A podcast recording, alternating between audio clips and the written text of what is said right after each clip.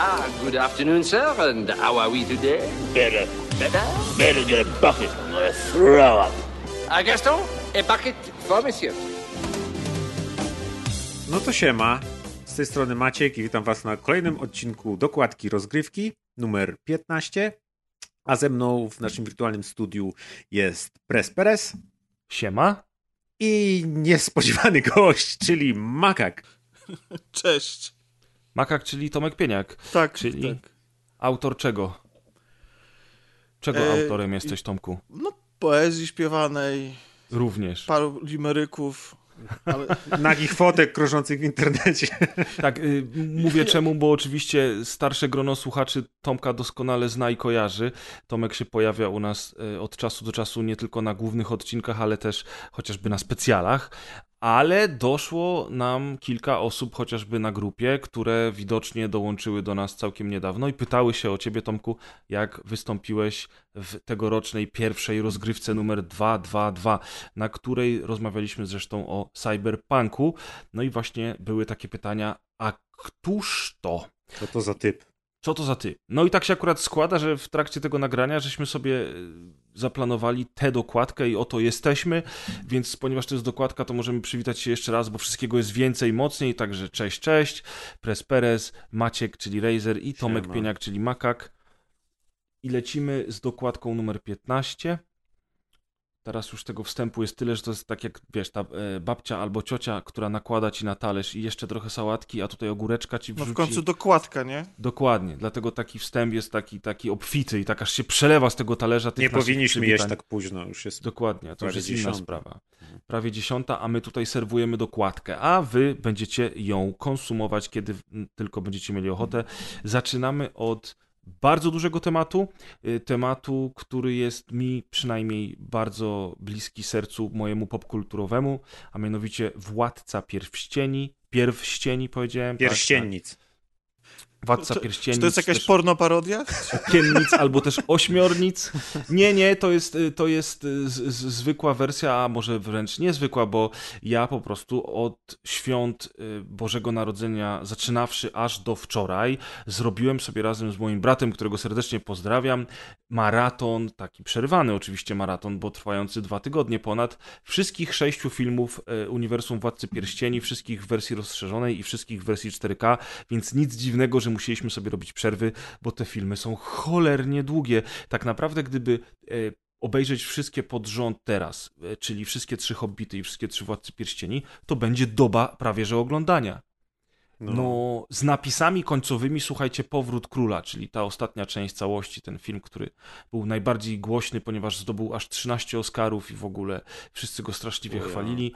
W wersji rozszerzonej Powrót Króla z napisami włącznie trwa prawie 4,5 godziny. Wow. To jest po prostu. To jest po prostu już, już jakiś, jakiś absurd, naprawdę. Chociaż ogląda się to bardzo dobrze. A ja, ale zacznijmy od początku. Ja wam powiem tak. Władca pierścieni. Czemu ja mówię pierścieni cały czas? Chcesz być pierwszy. To poczekaj, to za, Nie wiem, co zanim się się, dzieje, wiesz, nastroisz, no Może to la, pa, pa, pa, pa, pa, pa. Trzeba, wiesz, gimnastyka buzi języka. Mów, Tomku. e, zanim się nastroisz, to powiedz mi jedną rzecz, bo jak się wejdzie do sklepu, bo będziesz opowiadał o wersji, która jest dostępna na e, Apple Plus, to się nazywa, tak? Apple TV? Jak to się Na nazywa? Apple TV, bo to jest Okej. aplikacja, która łączy zarówno Ja serwis... już, tak, ja już się pogubiłem, nie? W tych wszystkich iTunesach, Apple... No. Apple, Apple TV jest o tyle dziwny, że on się nazywa po prostu, że to jest po prostu Apple, e, czy tam Apple TV i w nim masz wypożyczalnię filmów tak jak e, Chili, a jednocześnie masz platformę VOD, y, w której możesz płacić abonament i oglądać sobie co chcesz z niej jak Netflix. I w tym Apple TV masz tę usługę Netflixową, która nazywa się Apple Plus. Owszem, można się pogubić. Więc y, mam pytanie, ponieważ y, pragnąc nabyć drogą pu- kupna właśnie tą wersję, którą ty tak zach... Znaczy, no, nie uprzedzajmy faktów, nie spoilujmy, ale którą poradziłeś mi zakupić, e, to e, wszedłem do sklepu i zobaczyłem, że są właściwie one są podwójnie, to znaczy, że jest Władca Pierścieni i Lord of the Ring. Dlatego, że możesz kupić albo wersję podstawową, zwykłą, albo wersję 4K rozszerzoną. Jedna i druga wersja jest w tej samej cenie. Podobno. No właśnie, i dlatego właśnie, no, dlatego chciałem może to jakoś wyklarować, bo ja przyznam szczerze, że na początku nie dość, że byłem zagubiony co do nazewnictwa i tego, gdzie właściwie jestem i za co mam właściwie płacić, bo mnie Apple naciągnęło przy tej okazji na roczny darmowy abonament. No proszę. E, no. e, to jeszcze właśnie nie wiedziałem, którą wersję kliknąć, więc to może Wersje są konkretnie, którą, dwie. którą, tak. którą to, ty oglądasz. Ja drogą kupna nabyłem e, zarówno przy Hobbitach, jak i przy Władcy Pierścieni wersję rozszerzoną 4K i ona ma na okładce napisane białym, białym e, krojem Extended Edition i ma zaznaczone, że to jest 4K z HDR-em. Zwykła wersja tego 4K nie ma HDR-u, nie ma i nie ma tego znaczka Extended Edition. To jest o tyle kłopotliwe, że rzeczywiście można się pomylić, natomiast podobno, i dlatego chciałem już wcześniej zaznaczyć, podobno jest tak, że w momencie, w którym kupujesz zwykłą wersję, no teraz zwykłymi wersjami są wersje HD, to w momencie, w którym film dostaje wersję do 4K, to Apple podobno daje ci tę wersję 4K za darmo z racji tego, że jesteś już posiadaczem, czyli coś takiego jak na Steamie, jak na przykład pojawił się remaster Bioshock, to w wersji PC na Steamie, jeżeli posiadałeś grę, dostawałeś od razu, od razu wersję zremasterowaną za darmo do kolekcji, więc podejrzewam, że gdybyś kupił zwykłą wersję, to w teorii dostałbyś też wersji, wersję 4K. Ja natomiast nie ryzykowałem, a zabawne jest to o tyle, że wszystkie te filmy kosztują dokładnie tyle samo pieniążka, 39,99 za film, więc faktycznie gdybyście chcieli kupować, to nie pomylcie się przypadkiem. Tutaj możemy zacytować klasyka, nie pomyl filmu. Dokładnie. Tak. Y, Jest problem tego typu, że i to nie tylko u nas, a w Polsce, ale w ogóle czytałem w internecie, że w wielu krajach, że nie można dostać nigdzie wersji 4K rozszerzonej trzeciego Hobbita. I rzeczywiście nie można. Ja go obejrzałem po prostu w wersji zwyczajnej. Natomiast y, żeby zrobić obejście, to trzeba się wylogować ze swojej aplikacji, zalogować ponownie i wtedy teoretycznie się ten film pojawia, bo taki sam problem był też z trzecim Władcą Pierścieni. Ja obu tych filmów nie widziałem w ogóle w bibliotece ani w sklepie. Jak wylogowałem się i zalogowałem ponownie, to pojawił mi się Władca Pierścieni, część trzecia, zakupiłem go i rzeczywiście mam, natomiast Hobbita do dzisiaj w sklepie w ogóle nie widzę w wersji 4K, może go nawet nie ma, nie wiem o co chodzi, ale cenowo jest różnica ogromna, dlatego że za wszystkie trzy filmy z trylogii Hobbita lub też z trylogii Władcy zapłacisz 120 zł w cyfrze, a żeby trylogię Władcy w 4K kupić na płytach, musisz wydać obecnie 800 zł. No, oczywiście na płycie jest lepsza jakość, to jest, to jest w ogóle bezdyskusyjne, przede wszystkim lepsza jakość dźwięku, ale też lepsza jakość obrazu, z tego względu, że co by tutaj nie mówić, to jednak cyfra to jest stream. I w zależności od bitrate'u, w zależności od twojego łącza, czy od, nie wiem, kurczę, czego jeszcze, od pogody, ten, ten film wcale nie będzie tak dobrze wyglądał, jak to wygląda na płycie. I powiem wam szczerze, że okej, to jest 4K, to widać, ale żebym był jakoś wy- wystrzelony z kapci, to, to, to nie. Na pewno nie przy tych władcach, bo Hobbit wygląda lepiej. Ale to też jest oczywista oczywistość. Władca Pierścieni, kochani, ma już 20 lat prawie. Mm, I to no jest w właśnie. ogóle zaskakujące, nie? Jak W tym przypadku minęło. to 4K to może bardziej y, jakby nau, nau, nau, nauocznić te jakby drobne błędy graficzne chyba, nie? Które jeszcze tam wersja zwykła HD już o SD nie Przykrywała. wspominam, przykrywała, no. I to, I to jak? Ja to wam zaraz opowiem, stary, jesteś No po prostu idealnie trafiłeś w punkt. Przy tak dużej rozdzielczości ekranu, przy tak dużej przekątnej ekranu, to jest tak niesamowicie widać wszystko, co było robione w komputerze, że to aż bije po oczach. Ale do tego no, oczywiście przejdziemy jeszcze e, za momencik. Natomiast tak, Władca Pierścieni, książka, cała trylogia książkowa, plus oczywiście Hobbit, to są dla mnie bardzo ważne dzieła popkultury, które towarzyszyły mi w liceum. E, W tym samym czasie, kiedy, kiedy bardzo dużo czytałem Lovecrafta, czytałem Filipa K. Dicka, poznałem całą sagę wiedźmińską i właśnie też między innymi sięgnąłem po Władcę Pierścieni. To jest ten okres, kiedy, kiedy wchodziło się w dorosłe życie i kiedy ta popkultura była na tyle dostępna już u nas na przełomie wieków, że, że mieliśmy te wszystkie diwiksy, nie diwiksy oczywiście nielegalne, ale też, ale też w kinie było wszystko, co było tylko wszędzie indziej i rzeczywiście ta popkultura wtedy, jak miało się tych lat 18-17, wybuchła. I z tamtego okresu poza władcą oczywiście pamiętam też chociażby Matrixa, więc było tego mnóstwo i teraz rzeczywiście 20 lat później jakby tak wracam falami do tych wszystkich fajnych rzeczy. Teraz po obejrzeniu filmów na pewno sięgnę ponownie po książki, dlatego że ja i wtedy y, bardziej wolałem książki Władcy niż filmy i teraz mam wrażenie, że będzie podobnie, chociaż oczywiście te filmy są bardzo dobre. Pamiętacie takie inne, bo, bo ja w sumie nie jestem oryginalny w ogóle, jakby tak się nad tym zastanowić, no to Wiedźmina, Władcę czy Matrixa wszyscy znają, wszyscy czytali, wszyscy oglądali, więc, więc nie jestem żadnym, kurczę, tutaj mm, specjalnym rodzynkiem, tylko po prostu chyba chłonąłem to, co wszyscy chłonęli. A wy pamiętacie jeszcze z okresu liceum, co tam u was się czytało czy oglądało? Yy, Ja się wychowałem na Wiedźminie. Ja się wychowałem na Wiedźminie, nie wychowałem się na Władcy Pierścieni, dlatego yy, tutaj będę miał bardzo kontrowersyjne zdanie w ogóle. To znaczy, jakby szanuję absolutnie miłość do każdego dzieła kultury, jakie sobie tam yy, ktoś darzy. Wiem, że Władca Pierścieni to jest dzieło wybitne i przede wszystkim bardzo ważne. Yy, I pod wieloma względami yy, niesamowite, wielkie i tak dalej. Natomiast Ale moja mówisz o filmie czy o książce? w ogóle nie mówię o samej marce. Powiedzmy o książce, tak? Natomiast moja przygoda z fantastyką zaczęła się od, od Wiedźmina, a to jest bardzo specyficzna fantastyka, która w ogóle nie jest fan... Znaczy, jest fantastyczna, ale traktuje fantastykę w taki trochę przewrotny sposób. Tak, a Wiedźmin jakby jest dużo bardziej przyziemny, niemalże dzisiejszy i tak dalej. I Władca Pierścieni ta fantastyka właśnie w stylu tej, czegoś takiego jak Władca Pierścieni wydawała mi się już wtedy mało atrakcyjna. Bo wiesz, jak się jest tam na początku liceum, to Wiedźmin się wydaje po prostu niemalże objawieniem. No tak. E, czymś tego najdoskonalszym na jest- świecie. Jest dużo kontrowersji w Wiedźminie, dużo przeklinania, dużo seksu i on się wydaje o wiele bardziej dorosły dla takiego nastolatka, który wchodzi faktycznie w tą dorosłość i bardziej poważny niż ten Władca Pierścieni, prawda? Tak, no i ja byłem też, y, do tej pory zresztą jestem bardziej sci-fi gościem, tak, wolę, wolę wielkie, epickie przygody, ale w kosmosie, jakieś wizje przyszłości, postapo, takie rzeczy ewentualnie, natomiast właśnie fantastyka gdzieś tam, gdzieś tam mnie omijała. I może dlatego też y, jakoś wiel- wielką miłością samego Władcy Pierścieni nie darzę, E, I nawet miałem taki plan, żeby zacytować e, takiego e, skądinąd znanego twórcę Kevina Smitha, e, a konkretnie jego drugą, e, drugą część Clerksów, w której e, chyba to Jay mówi, chyba Jay mówi, nie pamiętam, nie chcę skłamać teraz, ale generalnie któryś z bohaterów mówi, że jest tylko jedna trylogia. I miał Tak, oczywiście tak, na myśli Gwiezdnych Wojen. Gwiezdne Wojny, po czym, po czym chłopaki chodzi o odstawiają nową trylogię. po, po czym chłopaki. Dokładnie. Disneyowska. No tutaj, Tak. tutaj nie, uda się, nie uda się przekłamać historii, bo, bo y, przecież Clerics 2 to też już z 20 lat ma na karku. E, Natomiast e, tak.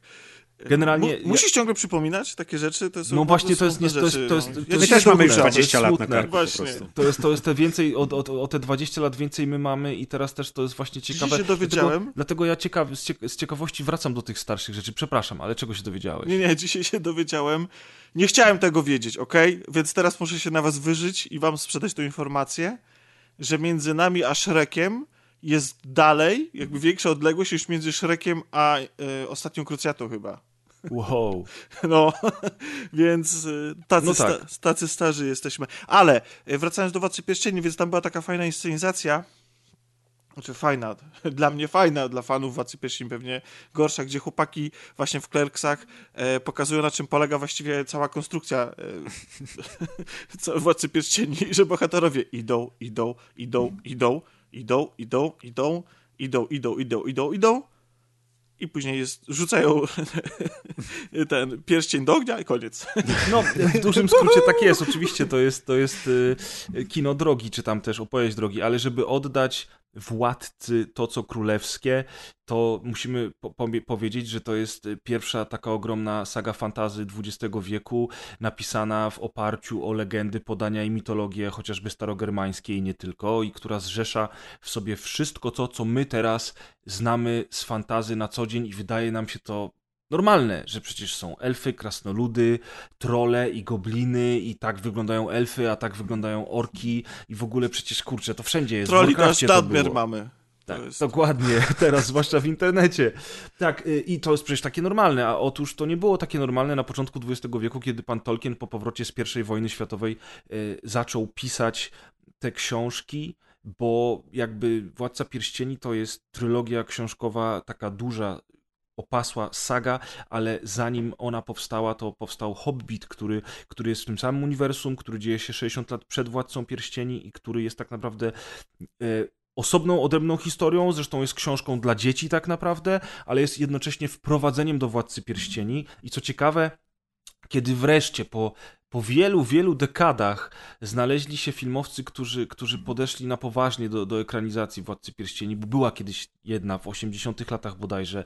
E, powstała tylko jedna część, która w sumie troszeczkę tak, takim kultem obrosła e, przez lata, ale, ale troszkę świat o niej zapomniał. No i w końcu Peter Jackson zdecydował się zmierzyć z tym tematem i wyszło mu to fenomenalnie, e, czym właśnie zasłużył sobie na te wszystkie Oscary i na, na, na laury, które na niego spadły. I on właśnie zaczął od Władcy Pierścieni, a około 10 lat później przysiadł do Hobbita, z którego też zrobił trylogię, mimo tego, że Hobbit, gdybyście spojrzeli na książki, to Hobbit jest może grubości jednej trzeciej pierwszego tomu Władcy Pierścieni, więc, więc to było dosyć zaskakujące, bardzo wiele osób się o to wściekło. A ja teraz zacząłem oglądać te filmy po latach w kolejności chronologicznej wydarzeń, a nie w, w, kolejności, w jakiej one powstały, czyli zacząłem najpierw od Hobbita, potem przyszedłem do Władcy Pierścieni i chciałem wam dosłownie parę słów o tym powiedzieć, ale jeszcze jedna rzecz, bo Maciek umknął gdzieś tam w naszych rozważaniach. Czy ty, Maciek, powiedziałeś, że za twojej młodości w liceum na tapecie był u ciebie serial Masz? Czy ja dobrze zrozumiałem? Ho, ho, ho. Dobrze, coś kolorowego przynajmniej wybrałeś, a nie jakieś tam, nie wiadomo, wiesz, soku maltański. No nie, bo jeszcze nie powiedziałeś nam w sumie, co ty takiego pamiętasz z liceum, co Ja z liceum pamiętam granie jarało. w gry na komputerze. Yy, a jak miałem coś czytać, to był Secret Service, nie? Yy, ale, ale pamiętam, ale pamiętam Tolkiena bardzo dobrze. Nie pamiętam, kiedy go przeczytałem pierwszy raz, trylogię, ale ja nigdy mnie jakoś do czytania nie ciągnęło i i to, że, ja, że ta książka mnie wciągnęła i ją tak pochłonąłem po prostu w, w, w szoku, jakie to książki mogą być wspaniałe, a nie tylko lektury szkolne, to, to był, pamiętam, cud. Y, I y, pamiętam też bardzo dobrze, jak byłem jeszcze za mały na tego, na tego Tolkiena, to, że wypatrzyłem właśnie trzy y, tomy y, na półce moich rodziców pośród wielu książek, jakie oni mają. Przy czym nie wiem, jak to. Nie, muszę się ich w sumie zapytać, skąd się tam wziął ten Tolkien, bo w ogóle fantastyki nie mieli. Pośród jakichś takich książek, nie wiem z jakich gatunków w ogóle, y, zwykłych, obyczajowych, czy tam kompletnie nie, nie, nie jakieś takie beletrystyki. Yy, kiedyś za dzieciaka wypatrzyłem właśnie takie jakieś fajne z taką czcioneczką i ten to było to wydanie takie kieszonkowe yy, czytelnika jeszcze, yy, chyba z Kibniewskiej to tłumaczenie, to takie prawilne. I, I bardzo mi się podobały takie okładki, i tam się pytałem, co to jest, a to mi tam chyba mama czy tata powiedzieli, że to takie książki, to kiedyś jak będziesz starszy, to sobie przeczytasz, bo to takie fajne. Więc już od, już od bardzo młodego wieku mnie kusił i gdzieś tam na mnie czekał. No i potem pamiętam, że właśnie jak przeczytałem, no to to był szok faktycznie. Yy, I że to przeczytałem i że mogą być takie w ogóle książki, bo też dotychczas, nie wiem, najbardziej fantastyczną rzeczą z fantazy, z jaką się zetknąłem, to był Willow. I tak naprawdę przez moje dorastanie i dziecięcy to właśnie Willow no, i. Nie, a Neverending Story? Um, ale to była taka bardziej bajeczka, wiesz. Neverending Story był, wiesz, gadający A Konanów nie oglądałeś? A no, Konany też, okej, okay, dobra. A, widzisz? Ale Conan Konany... to też rzeczywiście jest, jest dobry trop, dlatego że Conan no. to jest też dzieło początku XX wieku, ono co prawda troszeczkę bardziej z tych powieści palpowych.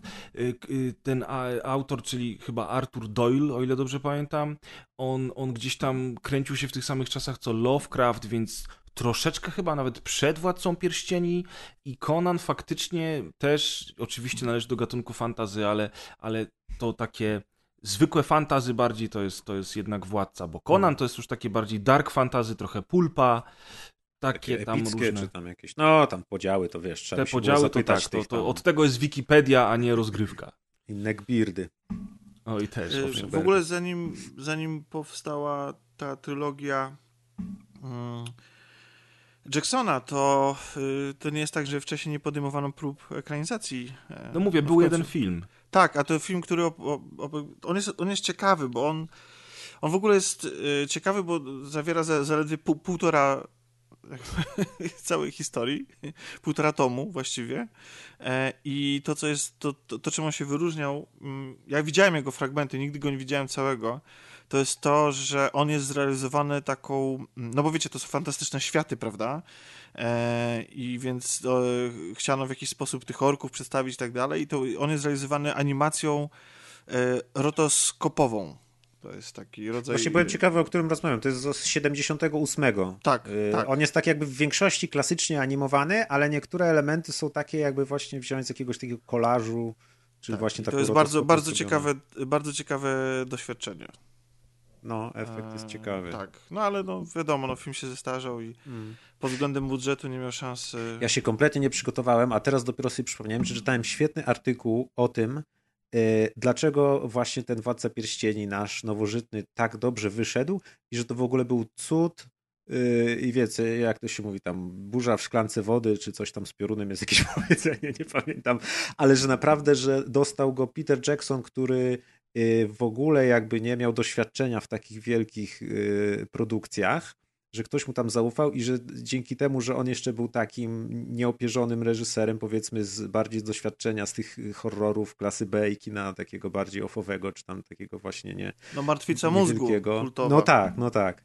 Y, To, że właśnie on po takiej martwicy mózgu dostał to, gdzieś, kurde, no kompletnie nie pamiętam nawet jak, jak znaleźć ten artykuł, ale historia tego jest fenomenalna, jakby ktoś chciał poczytać to, że y, ktoś właśnie opisywał, że, że, że gdyby to wziął jakiś inny reżyser, to by ten film zupełnie inaczej wyglądał i że tak naprawdę właśnie cudem, że dali takiemu niedoświadczonemu za, tyle pieniędzy, tak ogromny budżet i że on tym pokierował, to to wyszło tak jak wyszło. Przyznawanie wielkich budżetów jakimś modnym reżyserom z Europy czy z innych zakątków świata to nie jest nic nadzwyczajnego, natomiast nadzwyczajne jest to, że to wyszło. Bo zwykle jest tak, że na pewnym etapie, mimo tego zaufania do e, tego twórcy ofowego, gdzieś tam ambitnego, to w pewnym momencie wchodzi jednak wytwórnia i go temperuje i ingeruje w to, co się na planie dzieje. I wielu mamy, przy, wiele mamy przykładów ludzi, którzy po dostaniu się do Hollywoodu no musieli albo stamtąd zmykać, albo po prostu nawet kończyli karierę. Takim jednym z y, nieodżałowanych reżyserów y, swego czasu był e, Kasowic. Pan, który zrobił e, Nienawiść. Później mu dano do reżyserowania film science fiction Babylon AD, nie wiem czy pamiętacie. Aha, no, tak. Y, I teraz tylko sprawdzę, czy nie pomyliłem nazwiska. Tak, pan się nazywa Kasowic, a i zaraz sprawdzę teraz, czy nie pomyliłem reżysera. Tak, Babylona D. I ten Babylona D po prostu wyszedł fatalnie, mimo bardzo ambitnych planów pana reżysera, bo no po prostu tam były ogromne problemy, bo to jest, wiecie, to jest... Za, to, tak naprawdę robienie takich filmów to jest gigantyczne zarządzanie projektem. To trzeba mieć po prostu nerwy ze stali, jaja ze stali i oprócz jakiejś wizji y, i przekonania do tej własnej wizji jeszcze trzeba umieć pogrywać y, z wielkimi tego y, biznesu. A tutaj, dlatego właśnie, dlatego ja mam... y, Dlatego w ogóle ja byłem chyba troszeczkę odrobinę zawiedziony Władcą Pierścieni. Zawiedziony. Tak, dlatego, że, znaczy, bo ja nie miałem w ogóle y, co do niego oczekiwań odnośnie tego, bo ja nie byłem fanem, prawda, samej, sa- samej tej historii, więc dla mnie y, są rzeczy, które na pewno robi, y, zwłaszcza pierwszy film, na początku robił niesamowite wrażenie, to przede wszystkim umiejętność y, przedstawienia tego świata, hobbitów względem ludzi, te wszystkie triki filmowe, to robi wrażenie nawet dzisiaj, i, y, i, I to było coś, znaczy ożywienie tego y, i sprawienie, że, że, że, że człowiek w to wierzył. No bo to, to było takie coś, co jakby ludzie się spodziewali, że tego się nie da zrealizować, nie? To jest Tak. taka wielka rzecz, ludzie mieli tyle nabudowanych, każdy miał te swoje wizje, Tak. jak to ma wyglądać, ten moment- to było bardzo... tak- Z drugiej strony To jest ten moment, kiedy, przepraszam jeszcze tylko, że wejdę ci w słowo Tomku, to jest ten moment właśnie przełomu wieków, kiedy nagle moc obliczeniowa komputerów była tak ogromna, że filmowcy byli w stanie połączyć efekty praktyczne z efektami komputerowymi i to się w zasadzie wydawało niemożliwe do odróżnienia. To już, to już nie były efekty komputerowe z początku lat 90., e, ani plastik lat 80., chociaż oczywiście mam ogromny szacunek do efektów praktycznych i było mnóstwo niesamowitych No efektów tak, to po praktycznych prostu chodzi o tą erę rozwoju, że to już był Tak. ten pewien I tam- poziom się osiągnęło. Tam już tam jest, tam jest, jest dokładnie ten sam motyw, który był w grach komputerowych początku lat 2000. To znaczy, to wyglądało niesamowicie w tamtym momencie, a później już trochę gorzej. Na przykład y, pierwszy epizod y, Gwiezdnych Wojen The Phantom Menace, Mroczne Widmo, on robił ogromne wrażenie wtedy, jak teraz na niego patrzysz, to troszeczkę no troszeczkę jest popelina, tak? Bo, bo te efekty się bardzo zestarzały. Albo Matrix, który oczywiście do dzisiaj jest genialnym filmem i pokłony dla twórców, ale jak spojrzysz na pierwszego Matrixa dzisiaj, to już widzisz, że te efekty komputerowe nie do końca są takie, do jakich jesteś Wiesz przyzwyczajony co, oczywiście ja- ja dzisiaj. będę Ale bronił- wiecie, no, ale, tego miał ale to jest 20 lat, więc jakby Ja będę bronił y, nie ma cudów. który nie ma cudów. miejscami się zestarzał bardzo, ale nadal niektóre rzeczy imponują i moim zdaniem pierwsza część o dziwo się zestarzała dużo mniej niż następne Niż kolejne. części. Tak, No bo ona też miała chyba mniej tych stricte komputerowych ujęć. Tam było Tak, dużo bo- trików, bo- dużo postprodukcji, Wa- kompozycji, takich Wachowskie, rzeczy. Wachowskie powiedziały, że y, ja słyszałem, czy czytałem taką opinię, nie wiem, czy nie widziałem wywiadu z nimi, więc może to ktoś zmyślił, przeinaczył, albo już pamięć mi szwankuje, więc nie bierzcie tego na stówę, ale generalnie pamiętam taką wypowiedź, że tu przed premierą y, drugiej części Matrixa, że Wachowskie powiedziały, że są w, jakby trochę wkurzone czy zawiedzione tym, że tak dużo ludzi kopiuje ich efekty z Matrixa, co właściwie nie wiem czemu miałoby tak być, bo to jest chyba jest raczej oznaka tego, że zrobiłeś coś wielkiego i, Mhm. i inspirującego, ale okej. E, Natomiast, i, że, że, ale, i ponieważ y, one są tak zawiedzione, to chcą w następnych częściach zrobić takie efekty, których nikt nigdy nie, nie podrobi i nie skopiuje. No to moim zdaniem, patrząc na przykład na walkę Smithów, O, i faktycznie, E, no bo czy- to czy się w- zestarzało. Czy w ogóle dokładnie. wszystkie te momenty, w których y, Keanu Reeves jest y, cyfrowy, lata i w ogóle, Mhm. Kukiełką no to, to, taką, to, to, to no. nie tylko to nie są efekty, których Mhm. ludzie nie zrobią, tylko to są efekty, których w ogóle nie chcą kopiować. Ale, ale przyznajcie, że niesamowitym osiągnięciem było stworzenie tych kilkunastu kilometrów autostrady, które zostały No ale po co? Przepraszam, ale... Wiesz co, ale to było... Tylko to... widzisz, tylko, tylko że później masz ten pościg i on nie jest wcale taki pościg, y, to nie jest aż taki ikoniczny Dzisiaj, pościg. ale to jeszcze był ten mariaż tych efektów praktycznych ze specjalnymi efektami z komputera i rzeczywiście, mimo tego, że to się zestarzało, to jednak to było coś. Wybudowanie takiego drugiego te- kawałka autostrady i nakręcenie tego rzeczywiście w ruchu podczas jazdy. Też to na pewno było dobre dla reklamy, nie? Że zbudowali ileś tam kilometrów rzecz. Nie, to było dobre- dla Wtedy się śmialiśmy wszyscy, było że oni to zbudowali do Matrixa w ciągu roku, a u nas w Polsce dwa razy mniej budowali przez pięć lat, wiesz. No to, Tak, I ale do to dzisiaj było... to się nie zmieniło. To, to był pomysł, który służył przede wszystkim ich ego i to nie No. uważam, że... Znaczy, Okej, ale, ale okej, ale, w- dobra, ale... to do nie czego ja zmierzałem Tak, ale też, ty, bo- tylko jeszcze no tylko powiem, że Jasne. wracając do Władcy Pierścieni, zostawiając Matrixa, generalnie dla mnie był trochę zawodem to, bo ja bardzo lubiłem właśnie Martwicę Mózgu, że ten film jest trochę taki... Teraz ja, znaczy ja to teraz rozumiem, ale wtedy, jak jeszcze oglądałem tam, wiecie, w liceum czy w podstawówce pod koniec W chyba liceum. to było, w liceum. E, tak, masz rację, przepraszam, e, to totalnie boli. To nawet był początek studiów tak, prawie. tak. No Nie, właśnie, to- niektórzy już byli na studiach. No, niektórzy Masza oglądali z kolegami po lekcjach. To chodzi mi tylko o to, że, że czułem zawód, że to jest film, który jest taki standardowy po prostu, że ta opowieść jest tak niesamowicie klasyczna. No że tak, wiesz, bo ona jest że- jakby, ona jest podwaliną do wszystkich opowieści, które Tak, przez tak, dziesięciolecia na opowieść były nie mieli wpływu za bardzo. Ale ja to, nie, ja, to nie To jest, to jest jeśli jakby, to jest o- jakby jeśli chodzi o podstawa tych wszystkich opowieści. Jeśli chodzi o drużynę pierścienia, to absolutnie nie jest to mój zarzut. E, po prostu wtedy, no wiesz, no odpaliłem, Jasne. znaczy w sensie odpaliłem, w sensie poszedłem do kina, o, o, zobaczyłem film i po prostu myślałem, od tego, myślałem, że coś od tego reżysera dostanę bardziej zwariowanego, tylko tyle, ale jakby, Mhm, wie- jakby wiesz, ja to doskonale teraz rozumiem. To jest produkt, który miał trafić na, do masowej publiki, y, miał zachwycić y, ludzi szeroko, szeroko na całym świecie, więc musiał być ustandaryzowany. Tam nie Plus można było poza tym, wiesz, to jednak była rzeczy. To ekranizacja, to była ekranizacja książek, które, które tak naprawdę stanowią podwaliny pod No współczesne dobrze, ale, ale widzisz, bo mamy taką odwieczną, y, Grzegorz, y, dyskusję i tutaj stoimy po różnych stronach barykady, właściwie zazwyczaj w, y, w jej trakcie, bo ja mam pytanie w takim razie do ciebie. No, no. I teraz jak z perspektywy to oceniasz i wtedy jak pierwszy raz to oglądałeś? No okej, Bo no to... y, ja generalnie uważam, że adaptacja, wierna adaptacja nie służy.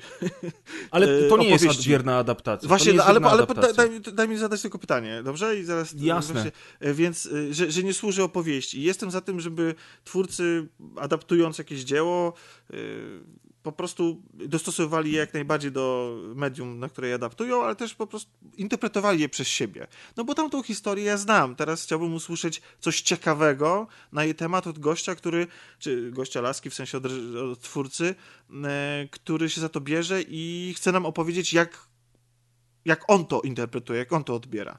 Dlatego nie lubię za bardzo ekranizacji dosłownych, takich po prostu, wiecie, strona po stronie, tylko powycinane niektóre momenty po to, żeby jak najbardziej schlebić tym najbardziej zagorzałym fanom. I w związku z tym mam pytanie, bo ja tego nie wiem, jako e, nie, nie fan Władcy Pierścieni, ale już mi odpowiedziałeś e, częściowo na nie. Czy to była wierna adaptacja? E, a jeśli nie. nie była wierna, to jak wiele zmieniono i czy to, co zmieniono, ciebie wtedy satysfakcjonowało? Jak dzisiaj postrzegasz to z perspektywy czasu? To nie była wierna adaptacja, ale ale to nie było, to nie było wymyślanie od nowa koła. I tam były dodane wątki, których w książkach nie było. Niektóre postaci pojawiały się tam, gdzie się nie pojawiały, i generalnie rzecz biorąc, troszeczkę nowości się pojawiło, ale też bardzo dużo rzeczy z książki zostało no tak, przeniesione, ale to jest niemożliwe. Trwało... Tak, to, serial. To, to, ja myślę tak, ja o tym myślałem oglądając teraz trylogię Władcy Pierścieni ponownie, że w dzisiejszych czasach to byłby serial. I jestem przekonany, że gdyby Peter Jackson kręcił to w 2021 roku, kręciłby serial, a nie filmy. Mhm. Ale, ale nakręcił te filmy, więc musiał niestety część rzeczy usunąć. Uważam, że usunął te rzeczy całkiem. Um, całkiem, że tak powiem, umiejętnie i że tych rzeczy jakoś bardzo nie brakuje. Te rzeczy, które dodał, chociażby cały wątek z Arweną, która oczywiście jest w książkach, ale ona jest tam tylko lekko wspomniana, a tutaj, tutaj odgrywa dużo, dużo ważniejszą rolę.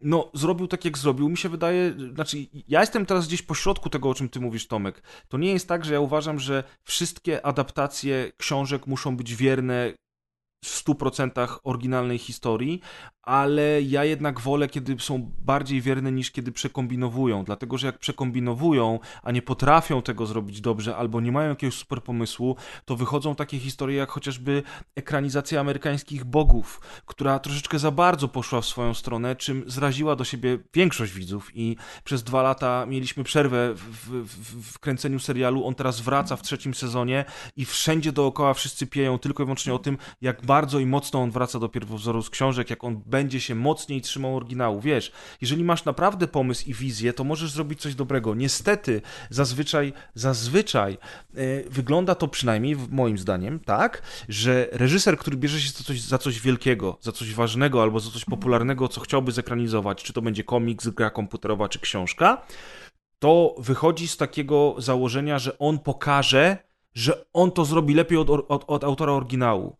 Że on wie lepiej, albo ma lepszy zamysł na to, co się dzieje w tej historii z tymi postaciami, które zostały stworzone przez kogoś innego przecież, prawda? Ja nie wiem, czy to jest jakiś kompleks tego, że on nie jest ojcem tej historii, czy to jest jakieś takie zuchwalstwo bardzo często, że ja teraz pokażę tym starym dziadom, jak to się robi.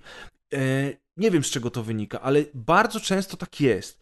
A Jackson podszedł do książek Tolkiena z ogromnym namaszczeniem i szacunkiem, zachowując poszanowanie dla tradycji, idąc bardzo mocno z pierwowzorem książkowym krok po kroku, a jednocześnie robiąc dużo rzeczy po swojemu. I to też jest jakby sukces tych filmów, że, że, że temu facetowi udało się połączyć, kurczę, jedno i drugie po, po trochu. Chociaż oczywiście on bardziej jednak y, tutaj przy Władcy Pierścieni robił wierną ekranizację tego, co było w książce, niż własną wizję. Natomiast jeszcze tylko na moment do tego co mówiliśmy o, o tych filmach y, i o technologii, że wydaje mi się, że Władca był takim punktem kulminacyjnym tych wszystkich filmów, czyli mieliśmy już The Phantom Menace, które postarzało się bardzo, mieliśmy Matrixa, który postarzał się tylko trochę, a Władca Pierścieni już był tak niesamowicie zrobiony i tak pięknie miał połączone y, wszystkie efekty praktyczne z efektami komputerowymi, że on Mówisz już o pierwszej części. Jeszcze raz? Mówisz o pierwszym filmie? O wszystkich trzech. Okej, okay, to, to, to, ja, to ja, ja, się, ja się nie zgodzę, bo ta finalna bitwa. Zresztą nie mhm. tylko, wiele jest takich momentów, ale finalna Ale bitwa... to poczekaj, bo, bo, okay. bo, bo, właśnie chciałem powiedzieć o tym. Ja to, wiem. To, te, to jeszcze a propos tego, bo ja już się wtedy, w czwarty już wtedy sposób. skakanie Legolasa... To jest dokładka, wcinajmy się wszyscy ile wlezie, wiesz. Już, już wtedy skakanie Legolasa po słoniu, wybaczcie... Y, było, było widoczne. Było, a ty, no, Maciek? No. to mnie akurat najbardziej razi moment, kiedy y, y, już wrzucili pierścień, ta cała wieża się przewróciła y, i taka ziemia się rozstępuje i ci wszyscy Aha. orkowie uciekają i do dzisiaj pamiętam ten moment, jak zauważyłem, jak to jest sztucznie zrobione, że kompletnie oni się rozmijają z tą taką... Widać, że te ludziki odstają od tego terenu, czy coś. To też było tam, ja, jak ja, to w paru teraz... latach oglądałem. To jest, to jest mój najbardziej taki moment, gdzie widzę te efekty i mnie to razi. Ponieważ możemy się wcinać, dzięki Grzegorz za, za spuszczenie ze smyczy, to, mm. to, e, to, e, to chciałem jeszcze powiedzieć, że jak, taką ogólną moją opinię na temat pracy Jacksona jako twórcy mm, efektów wizualnych, znaczy współtwórcy, prawda, bo to tam on, on ma to, mają to swoją firmę i tak dalej. I to jest tak, że one z jednej strony potrafią być oszałamiająco fajne, bardzo urzekające i zaskakujące, a z drugiej strony w takich momentach, w których wydawałoby się, że to jest oczywiste, że to źle wygląda, wcale nie są. Y, I y, nie wiem, czy pamiętacie King Konga. Jacksona. I tam jest, sam King Kong jest awesome. Jest po prostu, był świetnie zrobiony. To jest, nie wiem, no wtedy robił wrażenie. Mm. E, ten świat też y, zachwycał takim przepychem, zwłaszcza jak, jak, jak z powrotem wrócili do, do, do Nowego Jorku, ale jest taka scena, gdzie oni po prostu uciekają pomiędzy nogami dinozaurów.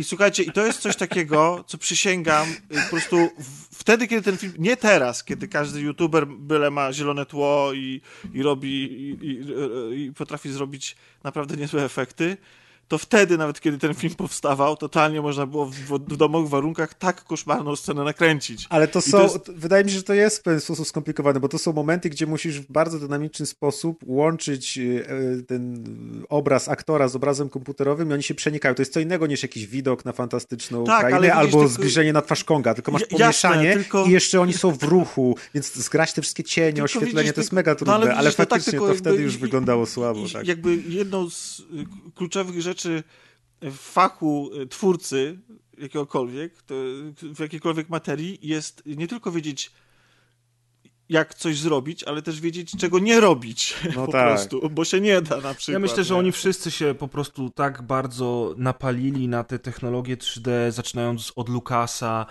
potem idąc przez Ridleya Scotta i całą resztę, że oni, wiesz, co ostatnio nawet zrobił Scorsese przy Irlandczyku, no przecież to jest porażka. To już w dniu premiery wygląda źle, a za 10 lat tego się nie będzie dało oglądać po prostu. Ale, a ludzie deepfake'ami robili lepsze efekty Le, Tak, deepfake'i są lepsze niż to, co zrobił Scorsese, czy tam co jego Ale ta technologia jest robi. też swoją drogą odrąbana kosmicznie, no może te efekty nie są, znowu, może to jest początek technologii, to jest taka pre-alfa i wiesz, za 10 lat to już będzie stosowane i będzie dobrze wyglądać. Bo... Natomiast Natomiast... Wiecie, to jest, to jest zrozumiałe, że muszą być jakieś postępy, w sensie, że zaczyna się od czegoś.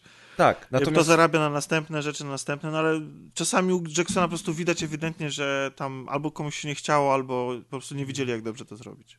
W każdym razie, jakby ja mówiąc o tym filmie, że, że, że, zrobił to lepiej niż Matrixy i niż pierwszy epizod Gwiezdnych Wojen, to miałem na myśli połączenie tych efektów komputerowych z efektami praktycznymi, gdzie mnóstwo scenografii jest zbudowane naprawdę, gdzie kostiumy są zrobione przepięknie. No, to jest super. I, i to się nie starzeje. Mhm. To się tak samo nie starzeje jak uwierzcie mi lub nie, jak nie starzeje się Predator w filmie Predator. No. E, jak nie starzeją się e, e, jak nie starzeją się efekty praktyczne w The Thing.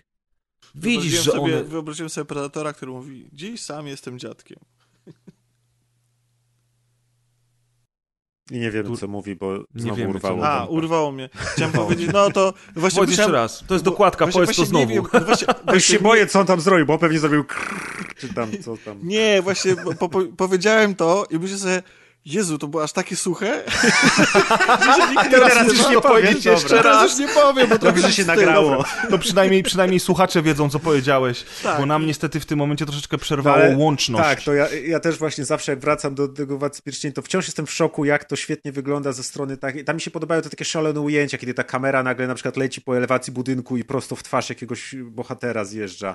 Albo jakieś te wszystkie właśnie stroje, gdzie oni mają takie fajnie, autentycznie dobrze zrobione powiedzmy szmaty na sobie. Często jak w filmach oglądasz ludzi w szmatach, to potem po jakimś czasie widzisz, że to są czyste szmaty, tylko pobrudzone, albo w ogóle czyste, albo coś, a tam wszystkie te elementy są po prostu znoszone, starte, wygląda to wszystko tak autentycznie wciąż, łącznie z jakimiś, nie wiem, nawet jak przez jakiś las idą, to to jest takie z jednej strony fantastycznie nierealistyczne, a z drugiej strony absolutnie właśnie fotorealistyczne.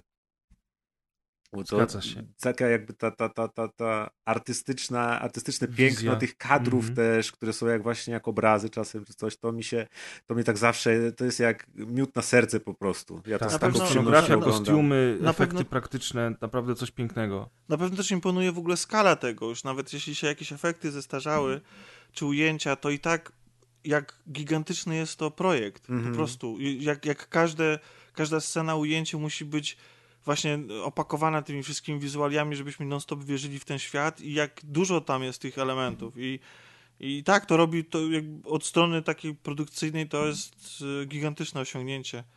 Mm, Co zresztą jak przejdziemy może do Hobbita, to, to, to wrócimy może do tego No właśnie, na chwilę. ale zanim przejdziemy do samego podsumowania tych filmów, jakie ja mam spostrzeżenie po obejrzeniu ich teraz ponownie, to chciałem wam tylko powiedzieć a propos tego 4K, że niestety, ale nie wypada ono dobrze dla Władcy Pierścieni z tego względu, że w tak wysokiej rozdzielczości, przy takiej jakości obrazu, wszystkie małe elementy, które nawet w kinie, na wielkim ekranie, przy, przy, kiedy to było puszczane nawet z rzutnika cyfrowego, ale nie w takiej wysokiej rozdzielczości, nie było to tak łatwe do wychwycenia, jak łatwe do wychwycenia jest teraz. A mianowicie, w bardzo, ale to bardzo wielu scenach widać, że hobbity to są przebrane dzieci i grają je zupełnie inne aktorzy. To jest raz.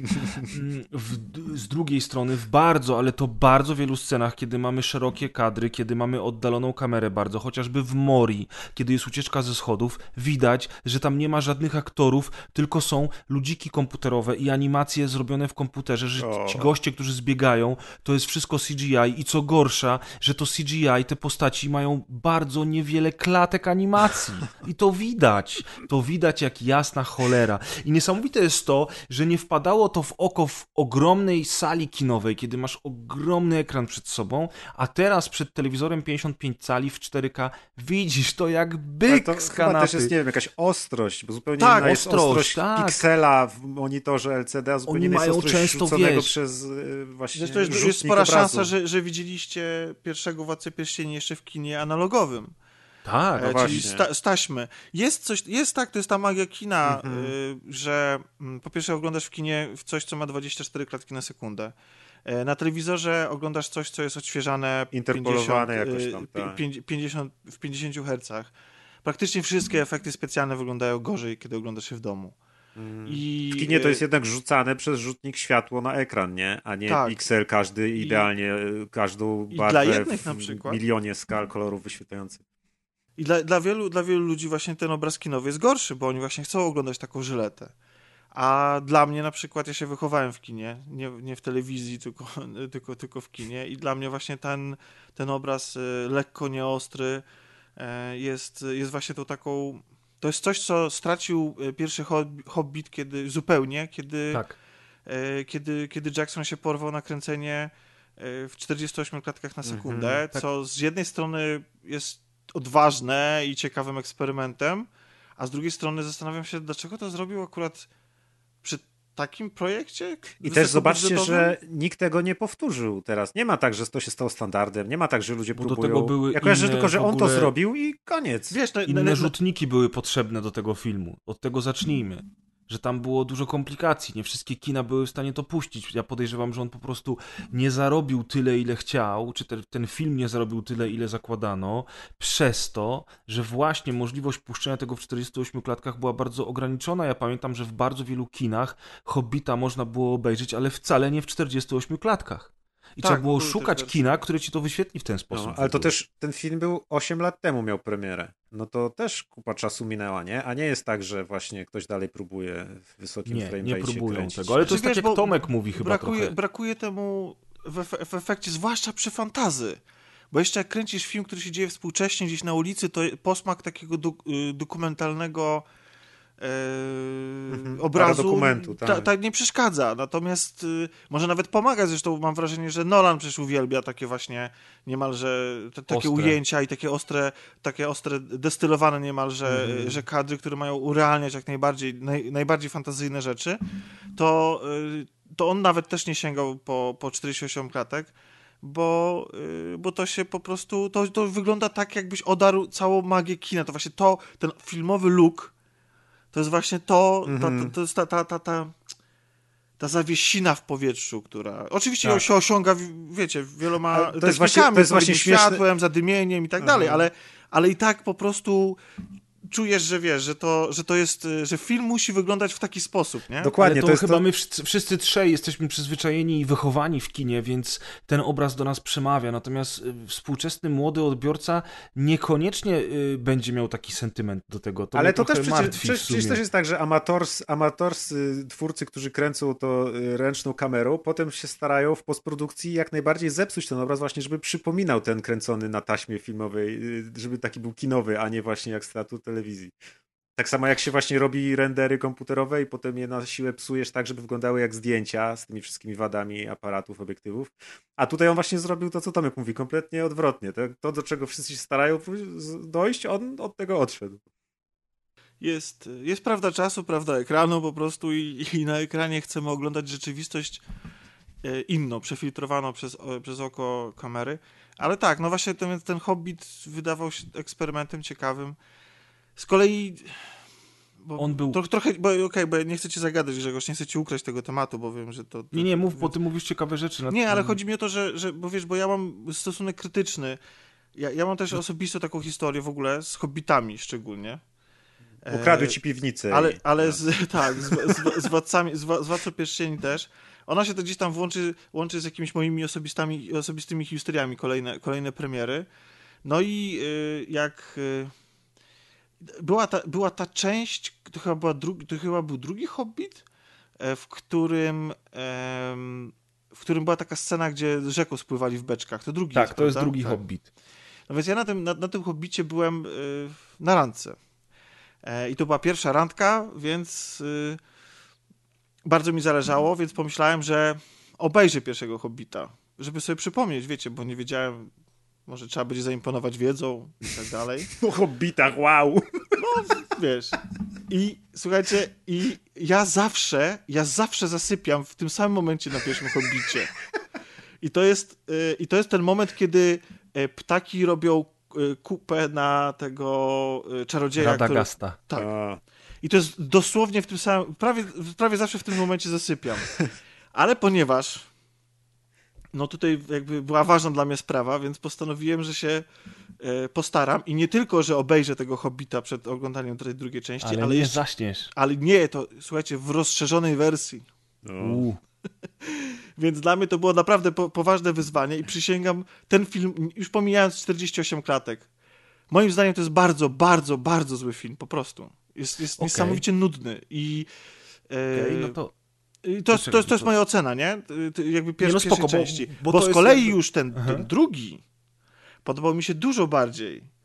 E, ale, coś w tym jest. ale znaczy, nawet nie chodzi o to, że, że przez randkę, bo później go oglądałem też y, i, i, i normalnie, w normalnych okolicznościach.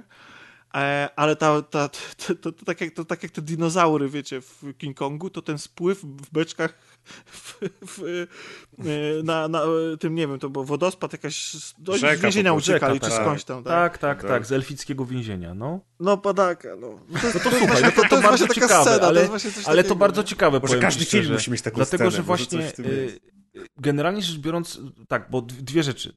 Najpierw zacznijmy od technikaliów Hobbita. Hobbit jest dużo młodszą serią, tak jak Maciek zauważył, pierwszy Hobbit wyszedł 8 lat temu, więc kolejne wyszły jeszcze, jeszcze Rok po roku bardziej wychodziły. niedawno.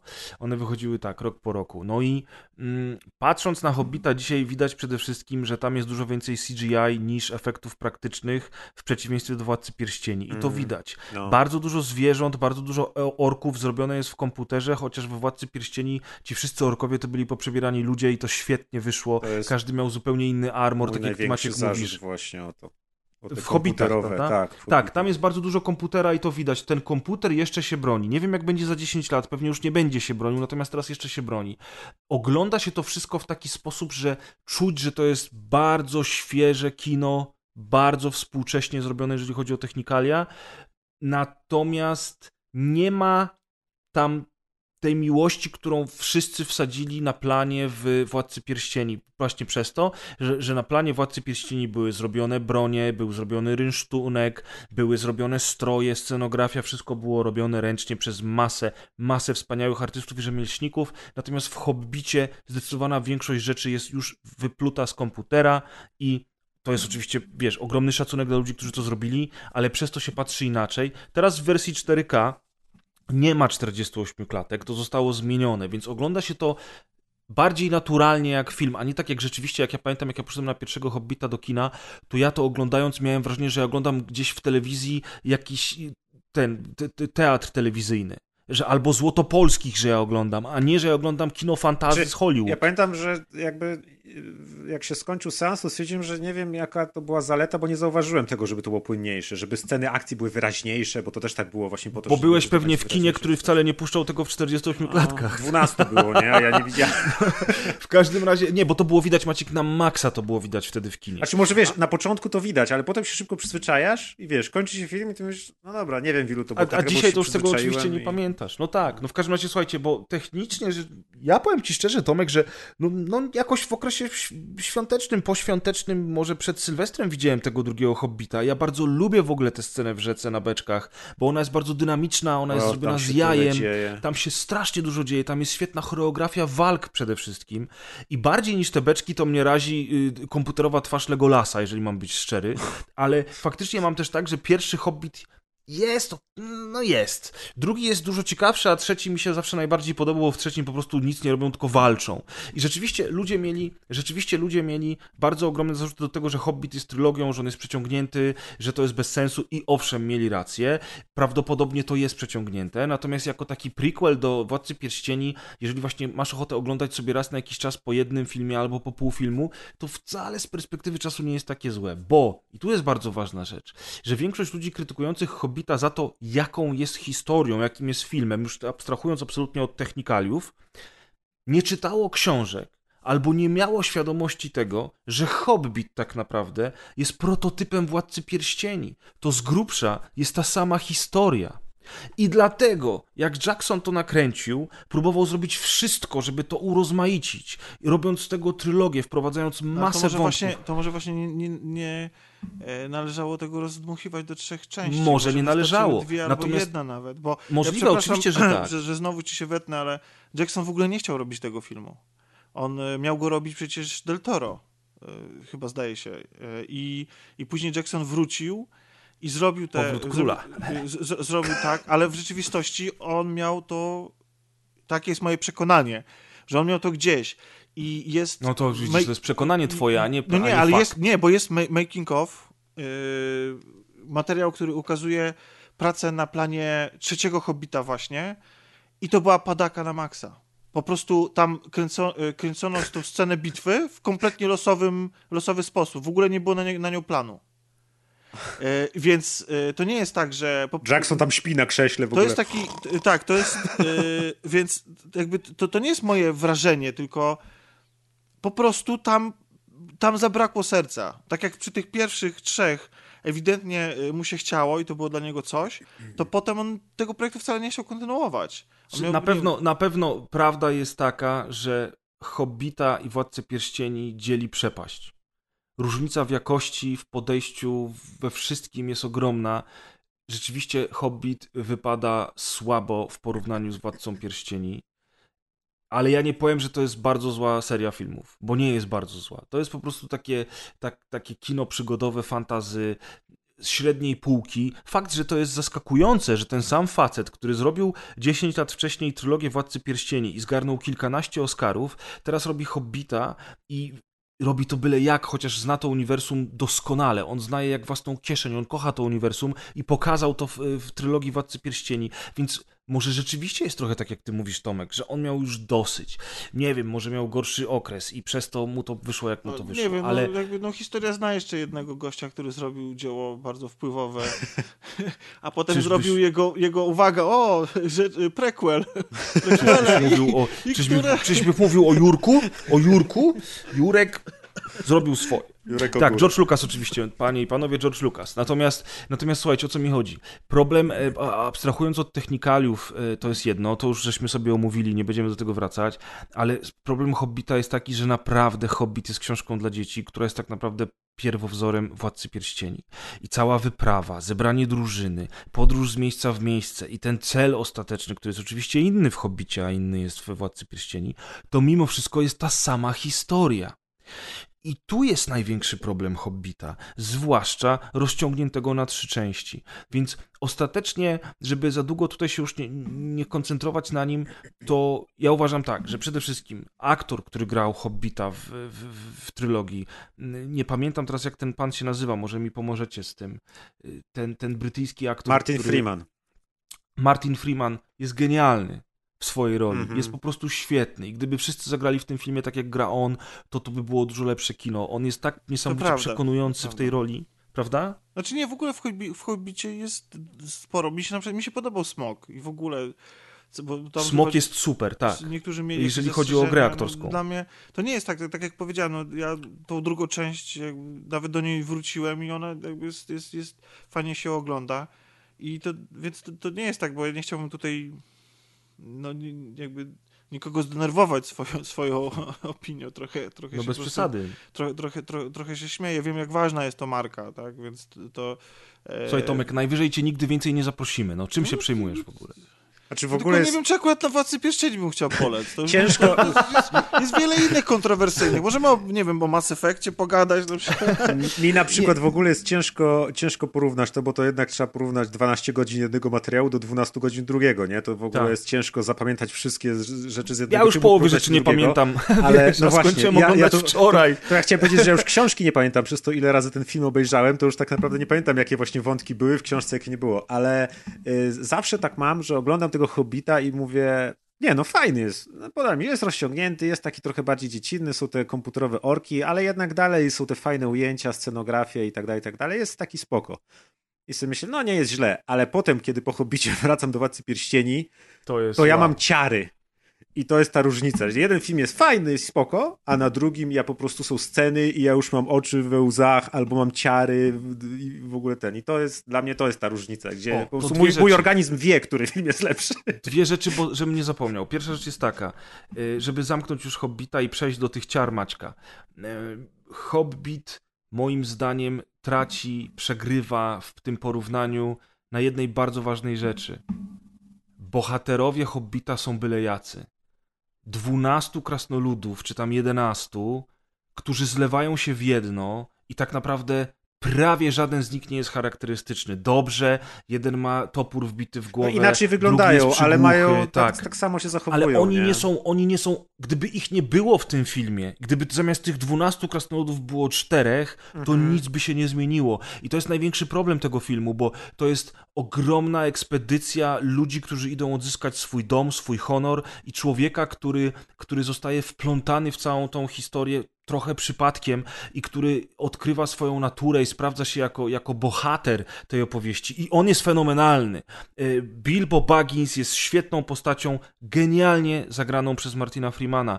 Jest oczywiście Gandalf, który wypada całkiem dobrze. Fajnie jest zobaczyć Sarumana, który jest jeszcze dobrym czarodziejem. Zobaczyć podwaliny tego powrotu Saurona, które są, które są bardzo ciekawe z perspektywy Władcy Pierścieni, naprawdę ciekawe. Ale główny wątek, czyli historia tych krasnoludów jest po prostu byle jaki. No i niestety no, nie da się tego już zmienić, bo nie naprawisz tego. To zostało nakręcone tak, a nie inaczej i, i po prostu za każdym razem oglądając ten film bardzo dużo tracisz, a przecież można było naprawdę świetnie z nimi coś zrobić. I tutaj akurat, Tomku, a propos tego, co ty mówiłeś o ekranizacjach, czy wierna adaptacja jest fajna, czy nie jest fajna, to tutaj właśnie moim zdaniem e, Jackson e, poległ, nie próbując wykrzesać czegoś więcej z tej ekipy krasnoludów, zrobić czegoś, co spo- spowodowałoby, że oni są ciekawsi. On zamiast tego wprowadza elfkę, której w Hobbicie w ogóle nie ma, wprowadza Legolasa, który jest oczywiście postacią z Tolkiena, ale którego też w Hobbicie nie ma w tej historii i wciska tam mo- motywy, które w żaden sposób nie, nie, nie chwytają za serce, nie są ciekawe. Ta cała mi miłość, wiecie, między kim a kim jest po prostu bez sensu i ostatecznie ostatecznie wielka szkoda, że on nie spróbował zrobić czegoś innego z tymi krasnoludami. Bo jeden Gimli w trylogii Władcy Pierścieni jest dużo bardziej charakterystyczny i ciekawszy niż wszyscy krasnoludzi z Hobbitów. Mhm.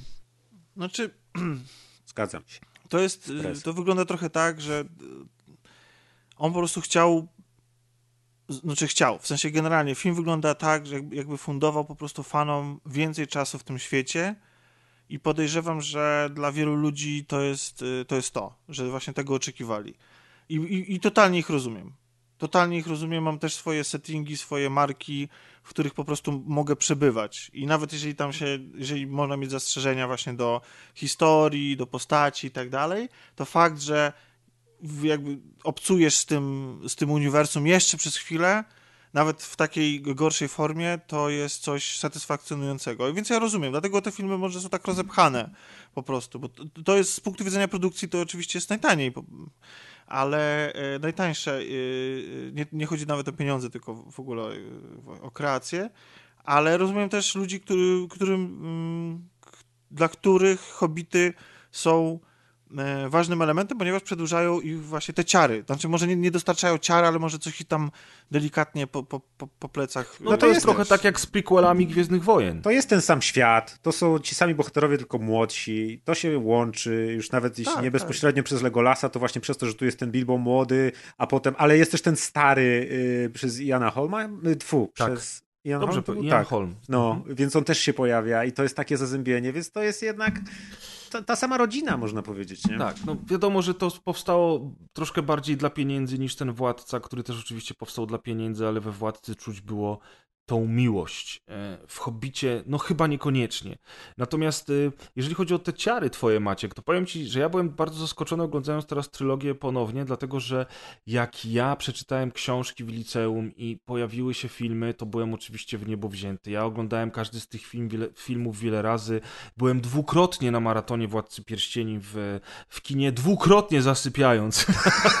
Oczywiście. Czyli nie tylko ja. Nie no stary, tego się nie da, to jest Na 12 godzin w kinie. kurde. I to są oczywiście, wtedy już były te wersje rozszerzone puszczane. Więc, więc jakby ja, ja, ja kocham, ja pamiętam te wszystkie gry w ogóle, to też jest ciekawy temat, że, No, że dzisiaj gier tych gier się nie robi. I był, było mnóstwo świetnych naprawdę I dobre gier. gry były. Tak, bardzo dobre. I, i, i to, to uniwersum było cudowne. Ja znałem bardzo, bardzo, bardzo, bardzo dobrze to uniwersum. I teraz wracając po latach do władcy, zauważyłem, że w moim przypadku to nie jest taki powrót, jaki mam za każdym razem, na przykład wracając do oryginalnej trylogii Gwiezdnych Wojen albo do oryginalnej trylogii Mad Maxów. A Co- oglądałeś teraz- się w 4K? Eee, HDR i- nie, nie, i nie, nie, nie, Apple ale to nie jest kwestia obrazu, wiesz, to nie jest kwestia obrazu. Ta muzyka przepiękna, te świetne kreacje, bardzo charakterystyczne postaci, co od razu właśnie zaraz po Hobbicie to się niesamowicie rzucało w oczy, jak ciekawymi postaciami jest Samwise Gamgee, Gimli, Boromir, czy nawet Legolas i Aragorn, którzy są moim zdaniem dużo mniej ciekawymi postaciami w filmie, bo one są dosyć płaskie i takie no, e, takie, takie dosyć typowe, piękni, dobrzy chłopcy, którzy miecz, miecha, miecha, ma, machają mieczem albo łukiem i, i po prostu mają ładnie wyglądać na ekranie, ale ostatecznie i Gandalf przecież, Mary z Pipinem, którzy są fenomenalni. Ja tylko tego Froda nie lubię, bo co to jest za pizda w tym filmie? Ciekawe, kto lubi Froda. On, on nie był w książkach taką cipą, wiecie? I nawet, i teraz po latach, jak to oglądam, to on mi się wydawał trochę mniej pizdowaty niż zazwyczaj, ale nadal on mnie męczy. Ja nie wiem, czy to jest No. gra aktorska Elia Wooda, czy Jackson tak wyreżyserował go i tak sobie go wymyślił, ale on jest męczący, ten Frodo. On jest taki, ja wiem, że to jest straszne brzemię, które on niesie, ale kurwa, bez przesady. No bardzo Wiecie, dziwnie to było zagrane rzeczywiście, a Elijah Wood potrafi świetnie zagrać, bo ma mnóstwo ról takich, gdzie mimo swojego wydaje, takiego Jack- wyrazu Jackson twarzy sobie tak. niewinnego potrafił nawet taki... Potrafił świetnie, prawda? No. Więc wydaje mi się, że Jackson sobie takiego tego Froda wymyślił. Frodo w książkach nie był taki. Ja nie pamiętam, żeby on był aż taką ciapą. I Mm. pamiętam, że za pierwszym razem, jak oglądałem te filmy, to też miałem straszny problem z Frodem. No. Natomiast ostatecznie, oglądając teraz te filmy, zauważyłem odwrotną sytuację do tego, jak oglądałem je po raz pierwszy. Jak oglądałem je po raz pierwszy, to byłem zachwycony e, Drużyną Pierścienia. U uważałem przez lata, że to jest moja ulubiona część, że ona jest w ogóle fenomenalna, bo jest, to jest świetny film. Ale byłem bardzo zawiedziony dwoma wieżami, bo one były zupełnie nie takie, jak ja pamiętałem je z książek, a dwie wieże książkowe były moją ulubioną częścią trylogii, więc zawiodłem się na tym, że te dwie wieże mnie nie porwały w kinie, natomiast trzecią częścią to już było tak, że może już byłem trochę zmęczony tym wszystkim, może nie, może to było za długie, bitwy były świetne, ale ostatecznie ten film był ok, ale byłem bardzo mocno zdziwiony, że to on dostał te 13 roz- Oscarów, a nie Drużyna Pierścienia.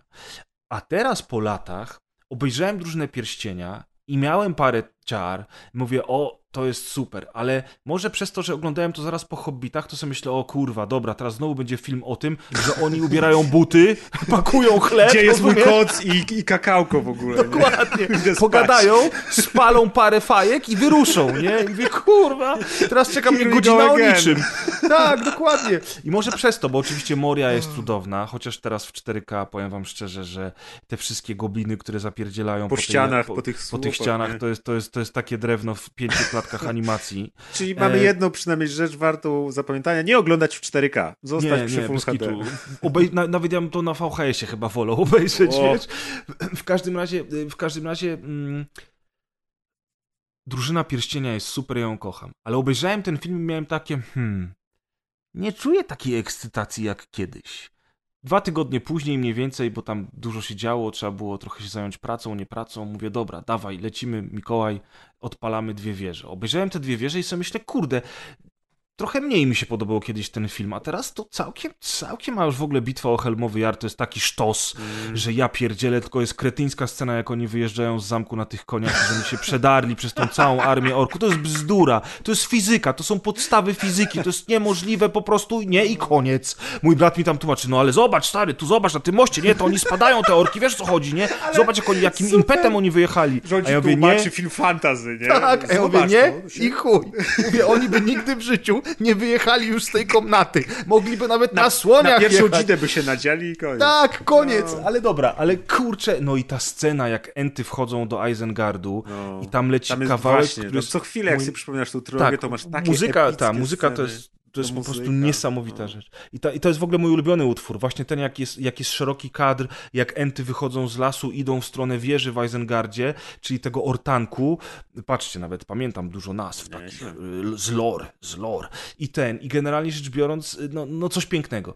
I obejrzeliśmy w końcu wczoraj mm, Powrót Króla, który chyba też mi się bardziej podobał niż, niż do tej pory. Nie wiem, może ja po prostu miałem przesyt te 20 lat temu, jak, jak oglądałem te filmy kilkukrotnie, pracowałem w kinie wtedy, więc jak leciał Powrót Króla, to ja byłem pracownikiem kina, więc ja widziałem sceny z tego filmu wielokrotnie pracując, potem mieliśmy jakiś pokaz dla pracowników, potem Nie, miałem nie wklejałeś jak w darmowe- Fight Clubie z własnych zdjęć w ten? nie, nie, nie miałem dostępu do, do, do sali z projektorem, niestety. W każdym razie y, mam wrażenie, że te, przy tym podejściu teraz y, obecnym podobały mi się te filmy bardziej w, in, niż, niż wtedy, znaczy w, w odwrotnej kolejności. To jest mało istotne może, ja się po prostu zastanawiam, z czego to wynika, że na przykład kiedyś na, najbardziej lubiłem Drużynę Pierścienia, a teraz w sumie ta, te dwie wieże mi jednak bardziej przypadły do gustu, a ten... Bo to lepszy powrót- film jest.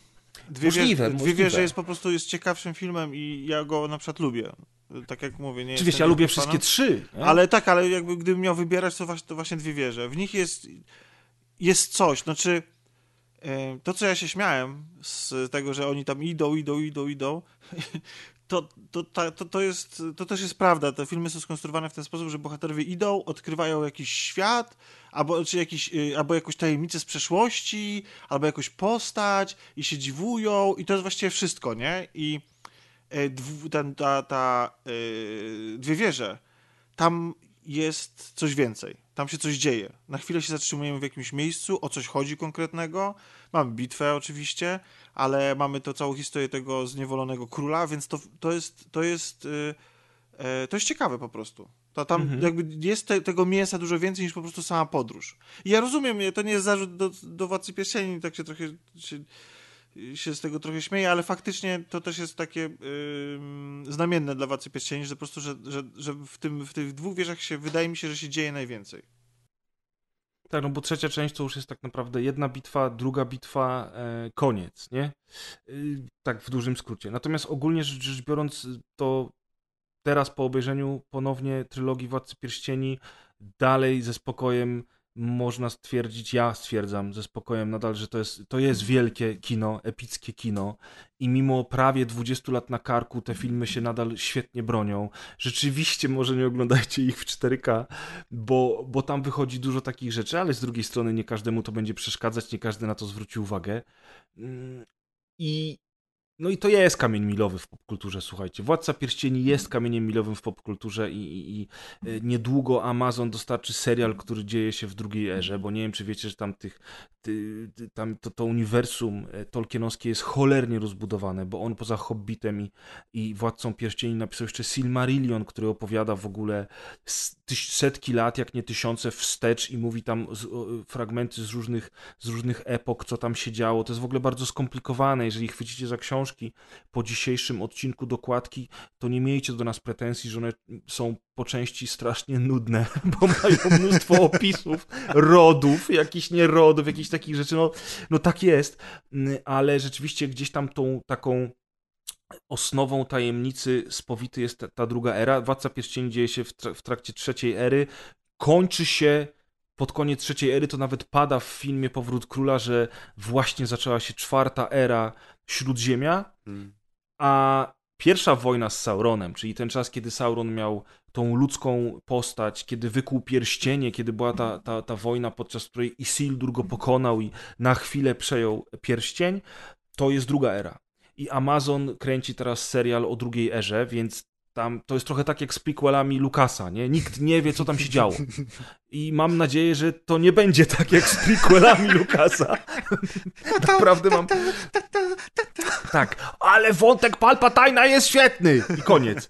I trzecia część jest całkiem spoko. Revenge of the Sith jest naprawdę dobrym Star Warsowym filmem, ale yy, faktycznie no ja trzymam strasznie kciuki za tą drugą erę Amazona, bo oni robią bardzo dobre seriale, ja bardzo lubię ich produkcję i jeżeli oni wpompowali w to wystarczającą dużą ilość kasy, to jest szansa na to, że znowu przyjdzie, przyjdzie moda na Władcę Pierścieni, a jak przyjdzie moda na Władcę Pierścieni, to może znowu dostaniemy jakieś dobre gry ja bardzo bym chcia tego chciał, bo naprawdę ten okres z początku lat 2000, kiedy Władca Pierścieni królował, haha, powrót króla, haha, to ten, to, to przyniósł naprawdę masę świetnych gier komputerowych.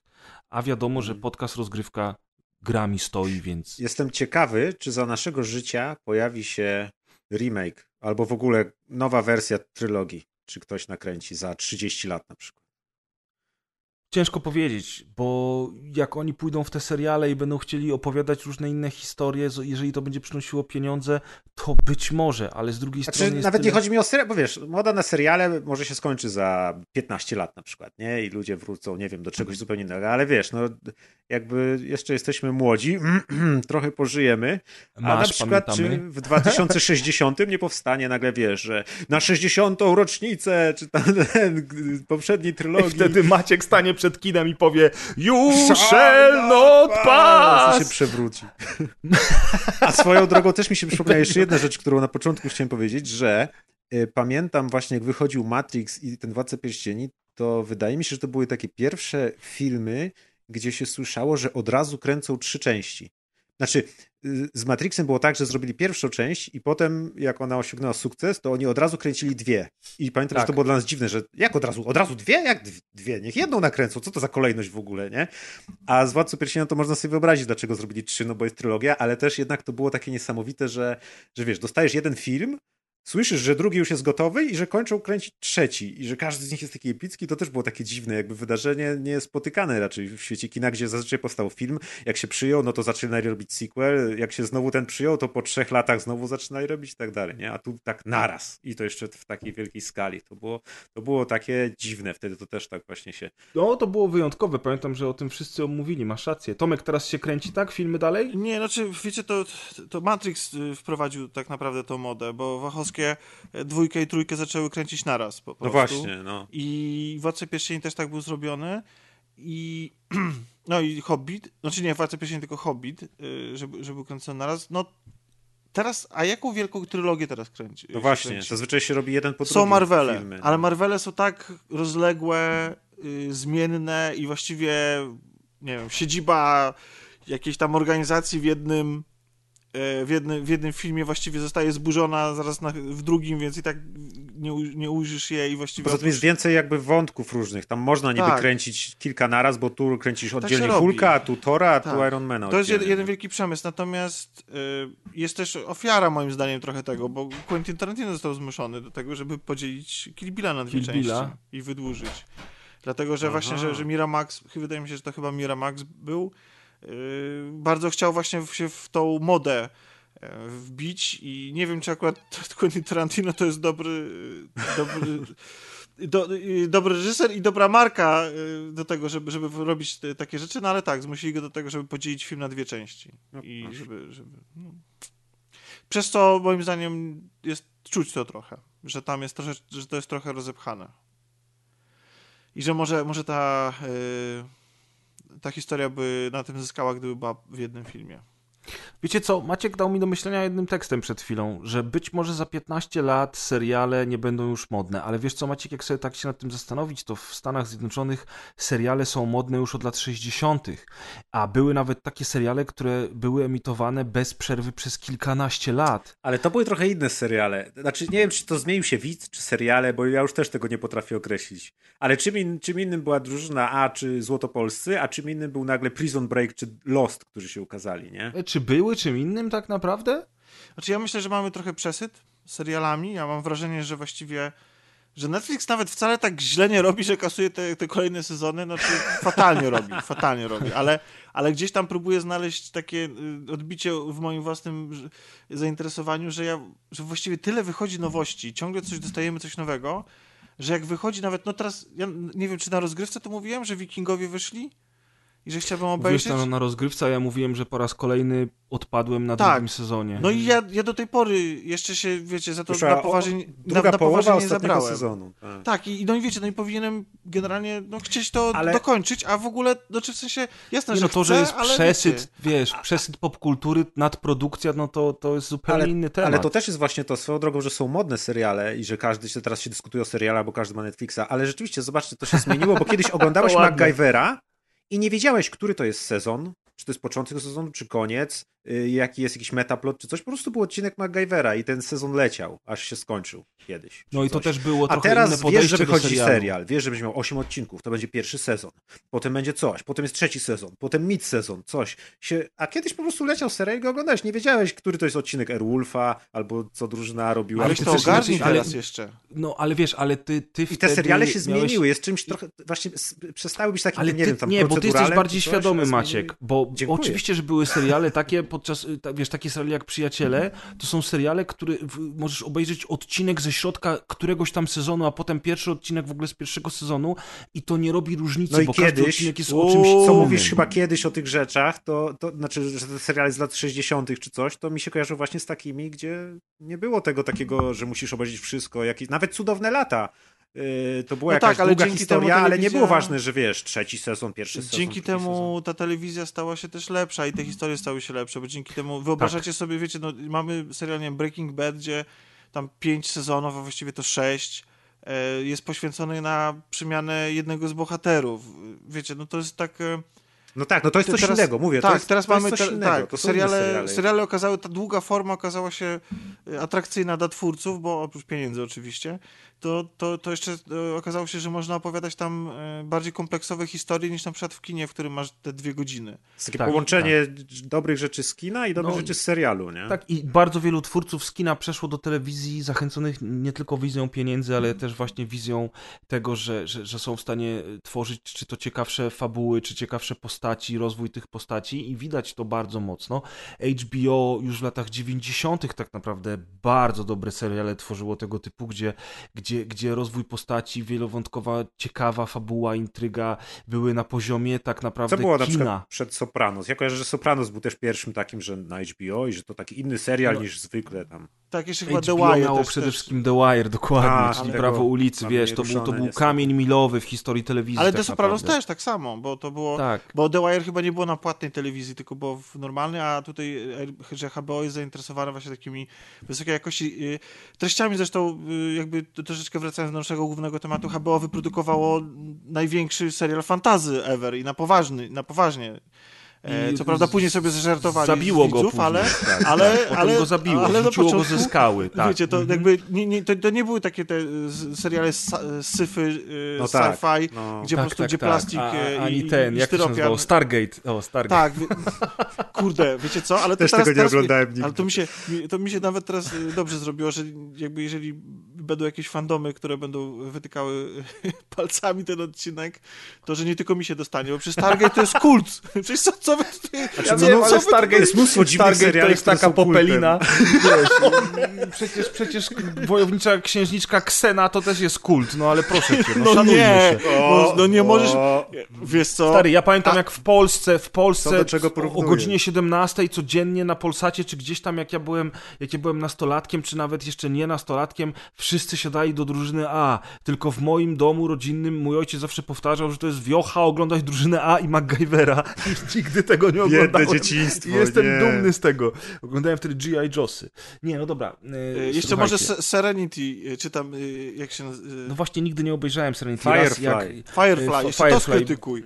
Nie, nie, słuchaj, zacząłem oglądać Firefly kiedyś, jak miałem bardzo długą, wielogodzinną sesję tatuażu i tatuażysta powiedział, że puści mi taki serial, a ja mówię, o, Firefly to akurat wszyscy chwalą, chętnie obejrzę, ale no wiesz jak to jest, no jak on cię dziara, maszynka chodzi i tak dalej. jest Usnąłeś. głośno, to... Nie, tak, usnąłem.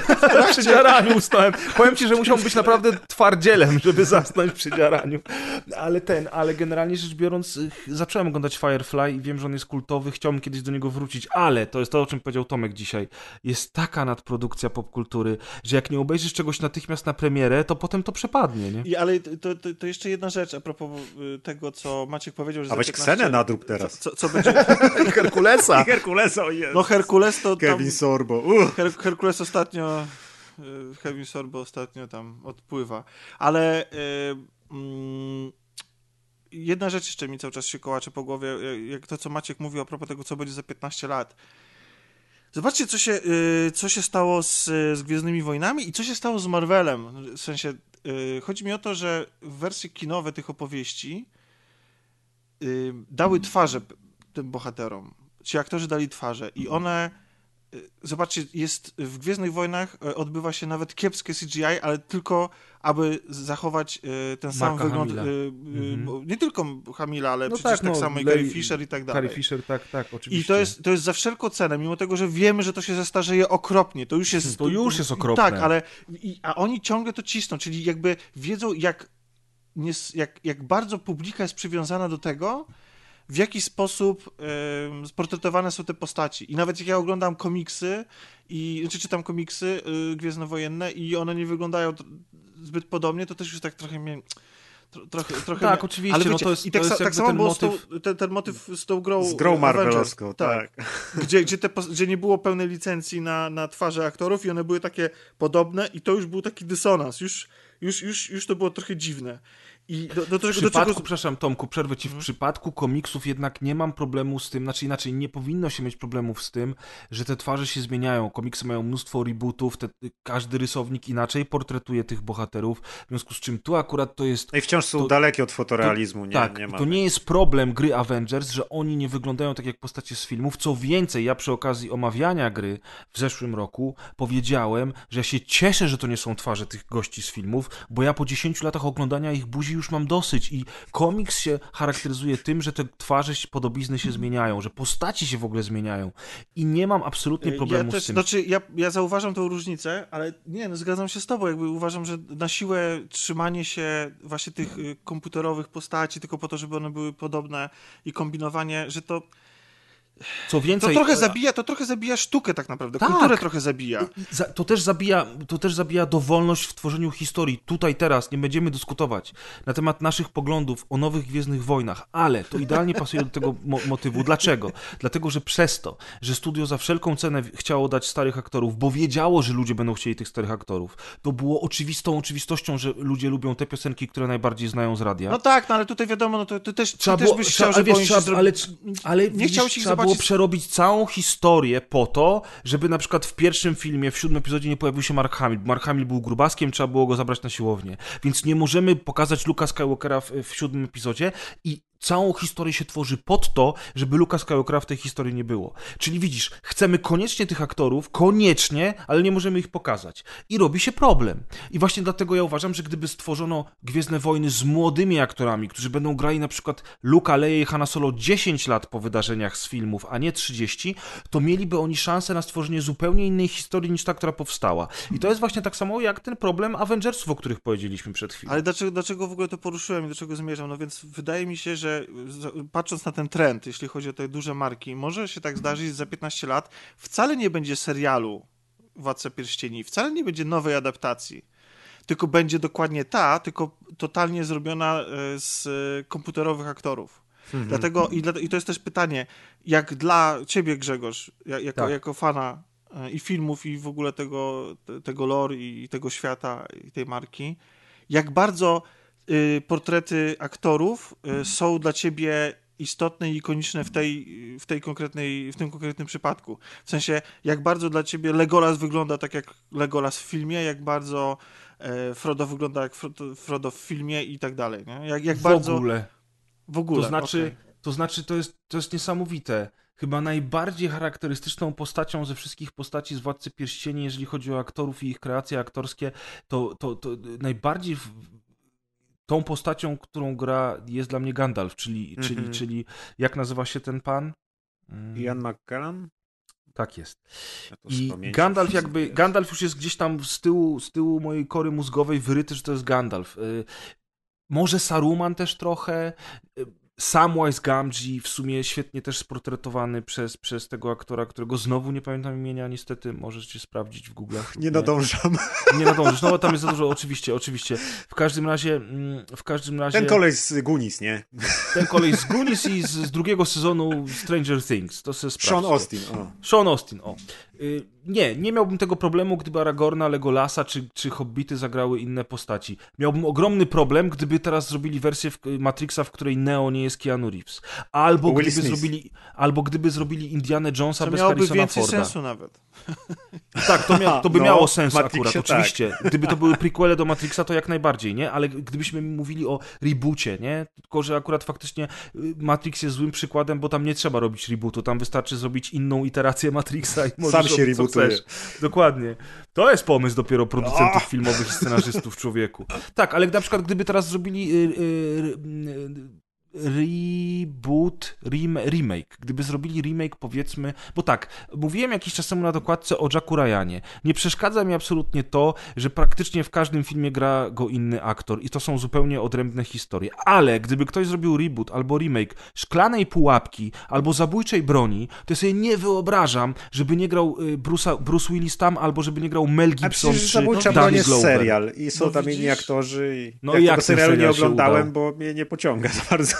No, nie wyobrażam sobie, bo to jest, to, już jest, to już jest tak niesamowite połączenie kreacji aktorskiej z tą postacią, że po prostu John McClane to jest Bruce Willis i koniec. I nie ma innego No aktora. i tak jak Tomek mówił, że w przyszłości, w takim razie, skoro deepfake już tak dobrze działają, to za 30 lat będziesz mieć szklaną pułapkę Zero, prequel z Bruce'em Willisem komputerowym młodym Dokładnie. Który swoją drogą już swoją twarz użyczył do gry Apokalips kiedyś, na ale... PSX-a. Tak. Tak Tak, jest. ale y, to mi przypomina o Futuramie, która przecież przewidziała właśnie to, gdzie gwiazdy z y, mm, XX wieku żyją, y, czyli ich głowy, wiecie, w tych tak, bańkach i tak dalej, ponieważ one są wiecznie żywe. I to jest totalnie przepowiednia tego, y, że właściwie popkultura mieli już tak bardzo samą siebie, już nawet nie chodzi o pomysły, ale już nawet pomysłów, znaczy w sensie już nawet y, nowych twórców nie ma tego, tylko po prostu się tych twórców ożywia, y, przywraca w jakikolwiek sposób i po prostu sprawia, że, że, że ciągle właściwie nie tylko obcujemy z czymś podobnym, ale właściwie jemy to samo. No tak. Non-stop. I, ale ja też mam, też mam takie... Wiecie, to świetnie to moim zdaniem poradził, po- poradził sobie Marvel z, ze Spider-Manem, jeżeli to jest prawda, co oni szykują e, w, w tej trzeciej części. I to jest też świetnie, że ten świat y, na to pozwolił. To, że oni, znaczy są takie marzenia fanów i jakieś tam przecieki z planu, czy też listy płac mogą sugerować, że to będzie prawda, że w tej części wykorzystają multiversum i spotkają się wszyscy, którzy grali Spidermana ze wszystkich wersji i to sprawia, że wszystkie wersje Spidermana filmowe są kanoniczne, tylko po prostu się rozgrywają w, innym, w innych e, uniwersach. Tak, tak. E, tak. Jeżeli, wiecie, i z super. jednej strony ja sobie myślę sobie, okej, tutaj narzekamy na mielenie tego samego, że, że, że, że, ci, że właściwie nie uwolnimy się, nie ruszymy do przodu, tylko będzie właśnie, właśnie żyli z tymi naszymi bohaterami dzieciństwa a, a, a, aż po sam kres naszych dni i oni będą coraz młodsi za pomocą komputerów.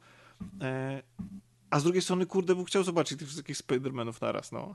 Nie, no to, to ja też bym chciał zobaczyć, to może być naprawdę fajne, natomiast y, tak totalnie już kończymy wątek, e, kończymy wątek Władcy i tą naszą dywagację dzisiejszą, E, to uderzyło mnie jak oglądałem e, teraz tego Władcę w tym 4K i pomyślałem sobie o tym, że kiedyś to mieliśmy VHS-y, potem mieliśmy DVD, potem mieliśmy Blu-ray i z każdą kolejną nową wersją nośnika jest ten nośnik coraz krócej używany, bo Blu-ray to już w ogóle był bardzo krótko używany i nagle weszły te Ultra HD filmy 4K i y, nie dość, że to jest wszystko pieruńsko drogie, to, to, to jeszcze zaraz pojawi się nowa technologia i, i nowa, i nowa, więc już w ogóle, No już w ogóle w kupowanie nośników, tak, już wszystko zostanie w streamingu i w cyfrze, ale Wszystko potem w sobie wyszedłem inną rzecz. Za 300 lat od dzisiaj, za 400, O kurna. za, za jakieś 100 lat, Grubo. za jakieś 100 lat od, od teraz w ogóle zachodnia cywilizacja kompletnie umrze i przepadnie, a za 300 czy 400 lat od teraz nie będzie śladu po współczesnych filmach, po współczesnej muzyce. Tak myślisz? Zostaną może książki, oczywiście, że tak, bo wszystko przejdzie w cyfrę i to wszystko przepadnie. Ta No jak technologia się przepadnie? kiedyś skończy, zostanie zastąpiona przez zupełnie coś No innego. ale to nie znikną książki i filmy. Znikną Wystarczy, kasety zniknie- VHS i papier. Globalne wystarczy, ocieplenie spowoduje, że się podniosły poziom mórz i zaleją wszystkie serwery. Człowieku, nie oglądałeś no. Waterworld? A, No to właśnie. są... O, świetny film. uwielbiam. I jakby, jakby wszystko to przepadnie niczym y, te łzy w deszczu Rutgera Hauera, który też już niestety przepadł. E, Ale my dzisiaj nie o tym, słuchajcie, y, ale w sumie tro, trochę o tym, bo Rutger Hauer to, to zmarł ze starości, a w grze Little Hope ludzie umierają, bo są mordowani przez potwory. Ha, ale zrobiłem przejście w Buja. ogóle, człowieku. Powrót króla. Buja. Wow. Jest Wow. y, to, to, trochę filmowo dalej, Ja trochę chyba już filmowo. kończę na dzisiaj. Tego nie wytrzymasz. Trochę filmowo, trochę filmowo, bo Little Hope, czyli druga część antologii Dark Pictures od twórców gry Until Dawn, to jest taki typowy horrorek, serial w stylu tych gier od Telltale, no i w stylu oczywiście samego Until Dawn. I oczywiście wiecie, o czym mówimy, prawda? Było Until Dawn, Tak. potem, y, potem było Man of Medan i teraz jest y, Little Hope. Czym Until Dawn jest niepowiązane, a Man of Medan nie, nie, jest nie, z tym Little Hope powiązane, bo to niby ta antologia taka sama. Tak, bo Until, Until Dawn było eksem przez dłuższy czas na PlayStation 4 i generalnie rzecz biorąc było dużą, bardzo grą zamkniętą horrorem, ale zrobioną właśnie w stylu tych serialowych przygodówek, gdzie każdy, e, każdy, każdy nasz błąd może kosztować czyjeś życie i każda nasza decyzja w teorii oczywiście wpływa na dalszy rozwój wypadków. Natomiast później to studio zaczęło robić mniejsze, bardziej skondensowane produkcje, które mają składać się właśnie na tą, na tą antologię. Wyszedł jakiś czas temu Man of Medan, a przed końcem zeszłego roku wyszło Little Hope i to jest o tyle ciekawa gra, bo ona bardzo, bardzo mocno jest umaczana w Silent Hill. I to czuć w fabule, to czuć w klimacie tej gry i dlatego chciałem wam parę słów o niej opowiedzieć. W- Tam się wciela w ogóle w główną rolę taki aktor, który nazywa się nazywa się Will Poulter, czy tam Polter, nie wiem jak to się czyta, może ty Tomek wiesz. To jest pan, którego poznaliśmy po tym, jak w jaja ugryzł go pająk w, w takiej głupiej amerykańskiej Jezu. komedii. tak, tak, właśnie to jest moje, to jest moje nie. skojarzenie. Millerowie się nazywała ta komedia.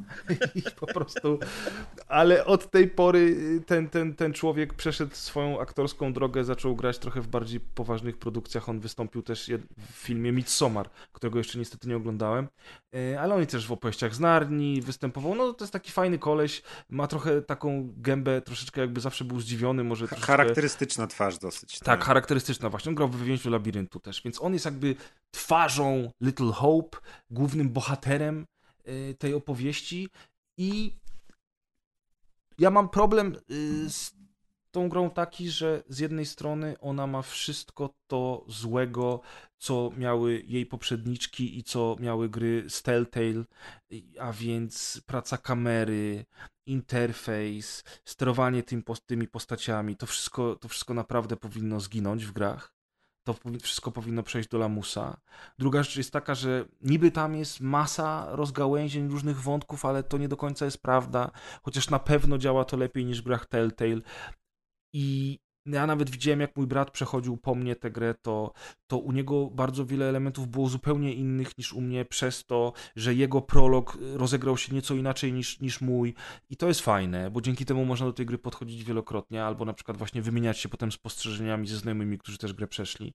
Grę w ogóle można przechodzić w kooperacji, co, co, co, co jest mił, miłą odmianą, bo ja uważam, że wszystkie tego typu gry serialowe... Czy to jest kooperacja online, czy też można ją przechodzić online. na... Okay. Online, lokalnie nie widziałem takiej opcji. Natomiast moi znajomi przychodzili online, wiem, że ona jest, bo nawet przy wyborze nowej gry masz opcję zagrania online i e, ja w ogóle uważam, że wszystkie takie gry powinno się przechodzić razem, nawet jak jedna osoba Totalnie. tylko ma pada. Totalnie, totalnie, prawda? Totalnie, to, to, jest... to, jest... tak, bo to jest, to, to, są gry, które nawet wciągają ludzi, którzy w ogóle nie grają, więc mhm. na przykład z partnerem to jest rewelacja, nie grający nawet. Bo on się Otóż angażuje to. w wybory i tak dalej, a potem nawet może sam po nie, sięga po tego pada, więc to jest właściwie większość tego typu, nawet od Telltale y, gier, to, to, to, to zawsze przechodziłem z kimś i to jest super, super rzecz. Tak, tak. To jest, to jest po prostu to jest po prostu y, największa zaleta tak naprawdę tych produkcji, bo to są takie interaktywne filmy, prawda Maciek? Prawda. Prawda. Ja tak. Ja nie, ja nie grałem, wody. ale widziałem.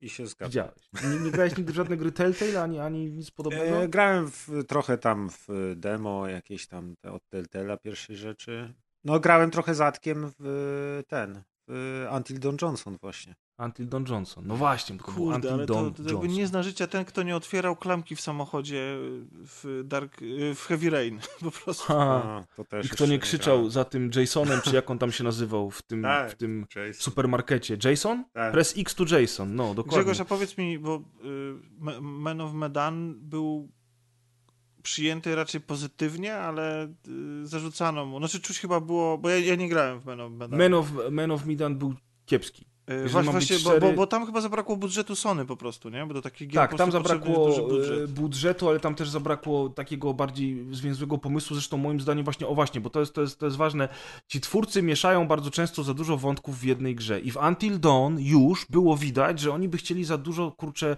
różnych składników wrzucić do tego horroru, bo trochę oni oddają hołd, trochę to jest slasher, a trochę są jakieś duchy, a trochę są jakieś potwory i to ostatecznie, mimo tego, że to robiło bardzo dobre wrażenie, jak się w to grało, bo to była piękna piękna grafika, świetnie zagrane i tak dalej. Było wiele emocjonujących scen, emocjonujących scen, to jednak na koniec, jak człowiek to przeszedł i się nad tym zastanowił, to sobie myślał, kurwa, naprawdę?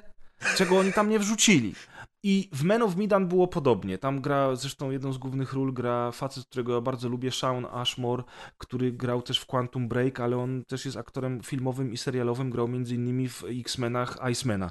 Y, to jest, jak graliście w Quantum Break, to, to, to wiecie, o którego gościa chodzi. I generalnie rzecz biorąc, y, bardzo czekałem na tę grę, dosyć srogo się zawiodłem na Men of Midan. E, była mniej emocjonująca dla mnie niż Until Dawn, przez to, że powstała wiele lat później, a była dalej tak samo drewniana i, i taka dosyć e, stereotypowa, jeżeli chodzi o ukazanie akcji, o pracę kamery i tak dalej, to, to bardziej mnie irytowała niż, ni, niż wciągała, a sama historia była powiedzmy, że okay, nawet całkiem ok, ale gdzieś tam czegoś brakowało, żeby, żeby ona mnie bardziej do siebie przekonała, ta historia, więc po przejściu pamiętam, że z Kuldanem żeśmy na którymś z odcinków e, mówili o tej grze i obaj byliśmy tacy, no nie do końca przekonani do tego, co twórcy chcą zrobić z tą swoją nową antologią. A teraz czy, jesteś czy... już przekonany? Dowiedziałeś się? Tak, teraz jestem przekonany, że jeżeli będą mieli lepsze pomysły na historię, to kolejne odsłony mogą być bardzo udane, bo moim zdaniem Little Hope ma dużo ciekawszą historię. Bardziej, bardziej, może trochę jest to ograny schemat, ale jednak bardziej, bardziej intrygujący temat porusza i oczywiście nie mogę nic powiedzieć o fabule, żeby nikomu nie zepsuć zabawy, ale, ale tam jest ten sos Silent Hill z bardzo fajnym pomysłem na potwory, o których też nie za bardzo mogę opowiadać, bo, bo, bo nie chcę nikomu psuć zabawy, a szkoda, bo te potwory są po prostu wyjebane w kosmos to, to wszystko powoduje, że, że, że, że przy Little Hope bawiłem się o, o, wiele lepiej, byłem dużo bardziej wciągnięty w tę Ale poczekaj, intrygę. bo, bo to mnie, za, to mnie y, zaintrygowało. Chodzi mi o ten sos Silent Hilla.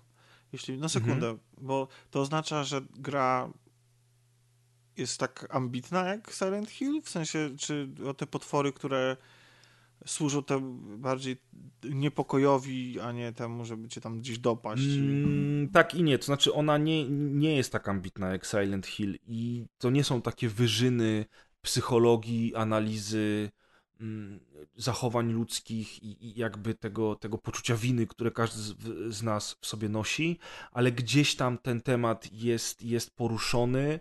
Y, te potwory nie są takimi potworami psychologicznymi jak, jak te z Silent Hilla, chociażby piramidogłowy i to, co on oznaczał, czy, czy te pielęgniarki z Silent Hilla. Nie, nie, tu chodzi o coś, o coś innego z tymi potworami.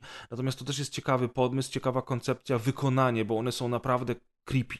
Te potwory są cholernie creepy, to jak one się poruszają, pokazują, jak one są w ogóle pokazane, jakie są ujęcia kamery, to wszystko jest po prostu, to wszystko jest po prostu z takim, zrobione z takim sznytem, który powoduje, że, że, że to wciąga, że to trochę straszy, trochę wciąga, że ostatecznie jak kończysz tę przygodę, to myślisz sobie, że nie zmarnowałeś czasu, tylko obejrzałeś całkiem niezły horror, y, przy którym bawiłeś się, bawiłeś się dobrze jak na tego typu produkcje. Oczywiście, tak jak mówię, koniecznie z kimś, nie w pojedynkę.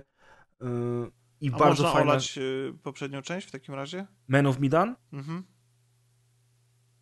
Tomku? Yy, tak, chodzi o po, ten Man of, Man of Midan. Można, bo te historie nie są ze sobą powiązane, przynajmniej na razie nie są. Ja nie widzę żadnych połączeń poza panem narratorem, który w obu grach pojawia się pomiędzy aktami gry i jakby przemawia do ciebie. On z tobą rozmawia, on podsumowuje twoje decyzje, troszeczkę próbuje cię nakierować na rozwiązanie problemu, czasami wręcz oferuje pomoc, że on ci podpowie i ty możesz tę pomoc przyjąć bądź też nie. W ogóle gra ma cały system y, skomplikowany, następstw Twoich decyzji, tego jak zmieniają się postaci, jakie one mają cechy, które poprzez różne decyzje możesz odblokować, bądź, bądź też nie, w związku z czym te postaci na końcu tej przygody będą inne niż były na początku, ale to wszystko jest przedstawione w bardzo nieintuicyjnym, zagmatwanym i nieciekawym menu i ty widzisz, że to się cały czas zmienia, ale tak naprawdę nie chcesz co chwilę wchodzić do tego menu, bo nie chcesz sobie tej gry przerywać. I na końcu, kiedy już dochodzisz do, do finału i widzisz, co się wydarzyło, to, to może bardziej byś chciał zerknąć w tamtą, w tamto menu i zobaczyć, co, dlaczego, ale ostatecznie jak się zgłębiasz już w końcu w te menu, to się okazuje, że ono wcale nie tłumaczy ci niczego i ostatecznie owszem, ta gra ma jakieś mechaniki, które wpływają na twoje decyzje i na efekt tych decyzji, ale to nie jest zbyt dobrze wyjaśnione. Pamiętam, że przy Detroit Become Human pokazanie tej nitki zależności, decyzji i tego, jak potoczyła się Twoja historia, a jak mogła się potoczyć, była tak doskonale zrobiona, tak szczegółowo i tak intuicyjnie, że od tamtej pory żadna gra nie była w stanie tego wytłumaczyć. Więc ciężko mi jest powiedzieć, jak bardzo skomplikowany jest cały ten mechanizm, który tutaj się w tle dzieje podczas naszej przygody. Natomiast widać gołym okiem, że faktycznie część rzeczy w trakcie zabawy zmienia się w zależności od tego, jak my, jako gracz, będziemy się zachowywać. Mnie zaintrygowałeś, bo ja tęsknię trochę do takich gier i, i no to, Antidom było ok. Więc. Y, ale to może przy trzeciej części w takim razie. Może, skoro, skoro mają taką zwyżkową. Zresztą to trafia do Game Passa, zdaje się, ta seria, nie? Man of Midan jest w Game Passie, więc Little Hope pewnie za jakiś czas też się pojawi. Natomiast ja uważam, że to jest na tyle dobra gra, że jeżeli brakuje ci takiego horroru czy takiej przygodówki na ten moment, to warto się zainteresować nim już teraz, prawda? A powiedz mi lepiej y, i Maćkowi, dlaczego zainteresowałeś się filmem The Hunt? Polowanie? Przez pomyłkę. No chyba właśnie tak. Czy wiesz, widziałeś zwiastun?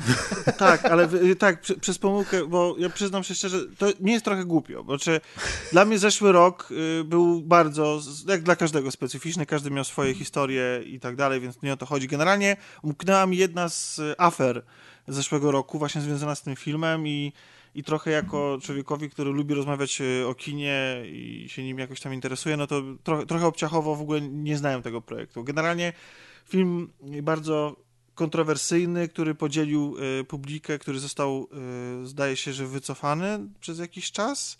No, nie będę kłamał, bo nie wiem.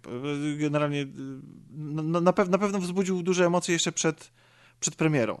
A ja y, przez pomyłkę, dlatego że się umówiłem na rozmowę z, y, o, y, o grze Hunt.